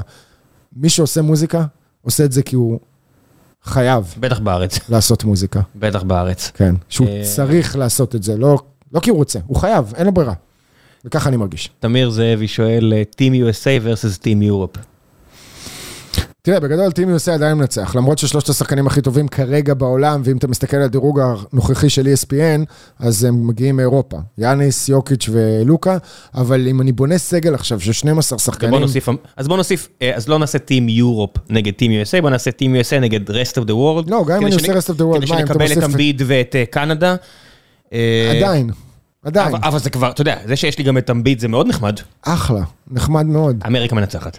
אמריקה, תחשוב, כאילו, לברון, למרות שהוא כבר בעונה ה-20 שלו בליגה. לא, לא. לברון ודורנט וסטף קרי, זאת אומרת, זו השלישייה הראשונה שאתה מתחיל איתה מול השלישייה מהצד השני. אני מחזיק באמונה שאנחנו השנה נראה את חזרתו של קוואי ונזכר שהוא עדיין, אם הוא בריא, הוא עדיין השחקן הכי טוב בליגה. אני מסכים איתך. אני חושב שאנשים שוכחים כמה השחקן הזה טוב, וכמה הוא טוב בלנצח משחקי כדורסל. אל תיקחו אותו לפנטזי, כי הוא הולך לשחק 60 משחקים מקסימום. באליפות עם טורונטו, ואחרי זה כמובן הוא עבר לקליפרס, ודברים פחות הסתדרו באותה שנה עם הבועה וההדחה המוזרה הזאת נגד דנבר, אחרי יתרון 3-1. שנה לאחר מכן הייתה את הפציעה בפלייאוף נגד יוטה, בסוף הם עשו גמר מערב, אבל הפסידו לפיניקס, הוא לא שיחק בזמן הזה, ואז פספס את כל השנה שאחרי. הייתי שם, הייתי בפיניקס נגד קליפרס, רק כדי לראות, פעם שנייה כבר, שאני קונה כרטיס כדי לראות את קוואי, ואמרו, אולי הוא ישחק, אין, סגן. אז זה אמנם היה קצר, הזמן של קוואי ב top של ה top של ה top, אבל אחרי האליפות עם טורונטו, בתחילת אותה עונה שם עם הקליפרס, זה היה ג'ורדני. זה היה משהו ג'ורדני. אני לא הרגשתי דבר כזה, עם כל הכבוד אה, לקובי בריינט, והיה המון כבוד לקובי בריינט בזמן שהוא שיחק. משהו בקוואי היה הרבה יותר כזה החלטי. האליפות של דרק ב-2011 הייתה כזאתי, אבל קוואי עושה גם הגנה. זה לא, זה עולם עזוב, אחר. לא, לא, מה, מה זה האליפות של דרק? אני לא משווה, אי אפשר להשוות את זה. אני, הסיפור עם מייקל ג'ורדן הוא כזה מבחינתי. למה שנאתי את מייקל ג'ורדן בתור ילד? כי לא חשבתי שאפשר לנצח אותו. זה פשוט העלים לי את אלמנט התחרות. ובשביל מה אנחנו פה אם לא בשביל תחרות, אם לא בשביל להיות במתח ולהיות מופתעים מהתוצאה. ועם זה מייקל, היה ממש קרוב. עם מייקל הייתה תחושה שכאילו, הוא הוא ימצא- הוא יזרוק. ימצא דרך לנצח. והוא יקלע, לא משנה, גם אם עכשיו הוא החטיא, גם- כאילו, בסוף, בסוף, הוא ינצח את המשחק. אז כן. אני סתם, זה מכור, אני רואה פה משחק מכור. ו- ועם זה- קוואי, זה זה קרה לי. גם עם קוואי. ובגלל זה האליפות של דרק הייתה כל כך כיפית. כי צחקו עליו, לא, הפלוג, של דירקה, אחת- האליפות של דאלאס ב-2011 זה אחת האליפויות הכי כיפיות שהיו פה, זה היה אה, גם סגירת מעגל אחרי ההפסד ב-2006 נגד מיאמי, נגד אותה מיאמי בגמר, זה היה נגד לברון בשנה שהוא הצטרף לווייד ולבוש, והם צחקו ודיבר עליו, בצורה ו- מאוד מתנשאת שם על הכמות אליפויות שהוא הולך לקחת, והם צחקו על אה, דירק נוביצקי, כן. באותה סדרה, הסיפור המפורסם הזה, מה שהדליק אותו, שהם ירדו עליו על איזה זה שהוא כיף זה, אתה בכיין. יודע, סיפורי אה, כזה כמו שהיה עכשיו את את בוקר- ופול שצחקו על לוקה. איך כולם כאילו, לא משנה מה, תופסים לצד השני. כן, אסור לצחוק על שחקנים. כולם יש. כאילו זיכרונות בטח לא. אירופאים בדאלאס. כולם יש זיכרונות בולינג והפנטזיה הזאת, סטייל ספיידרמן, אתה יודע שאתה פתאום יכול לנצח את הבוליז, ומישהו כמו לוקה, זה- זה אשכרה, אתה יודע, הפנטזיה הזאת היא רק... כן, אבל פיניקס אני לא יכול להגדיר את, את הקבוצה הזאת כ bullies, את מיאמי של 2011 הם היו אשכרה bullies. כן. וה- והאליפות הזאת של דאלאס הייתה מאוד מאוד מרגשת. זה היה ניצחון האנדרדוג, ו- ובעצם הסטמפה הזאת של איזה שחקן אירופי, להראות עד כמה אה, הוא יכול להיות לא? גדול. מה, ששחקן אירופי לוקח אליפות? מוביל. כן. זאת אומרת, זה העידן החדש. לא, אה, תראה, אפשר להתווכח, טוני פארקר הרי זכה ב final לא של. ה-MVP לא- עוד לפני לא זה, מוביל, לא מוביל, אבל הוא. שיחק עם טים דנקן ועם ג'ינובלי ועם עוד איזה כמה שחקנים לא- תחת המאמן הכי טוב. כן. אבל לא, מבחינת שחקן אירופי, בולט ככה. ג'ינובלי ופארקר היו הכוכבים. לא, ג'ינובלי הוא גם דרום אמריקאי, אז הוא לא, כאילו... סבבה, אבל הוא הגיע. מבולוניה, אתה יודע, שחקן כן. שהאירופאים מכירים כי הוא היה כן, אצלהם. אבל הם לא היו כוכבים כמו ש... דרק היה הכוכב של הקבוצה הזאת. לא, דרק היה MVP מאז- לשעבר, הוא היה MVP הראשון אני- אירופי, כן. מא- מאז יש לנו הכוכב יאניס, ומאז יש לך הכוכב לוקה, שמובילים קבוצות, אז בגלל זה פעם ראשונה, אולי team rest of the world תביא פייט טוב.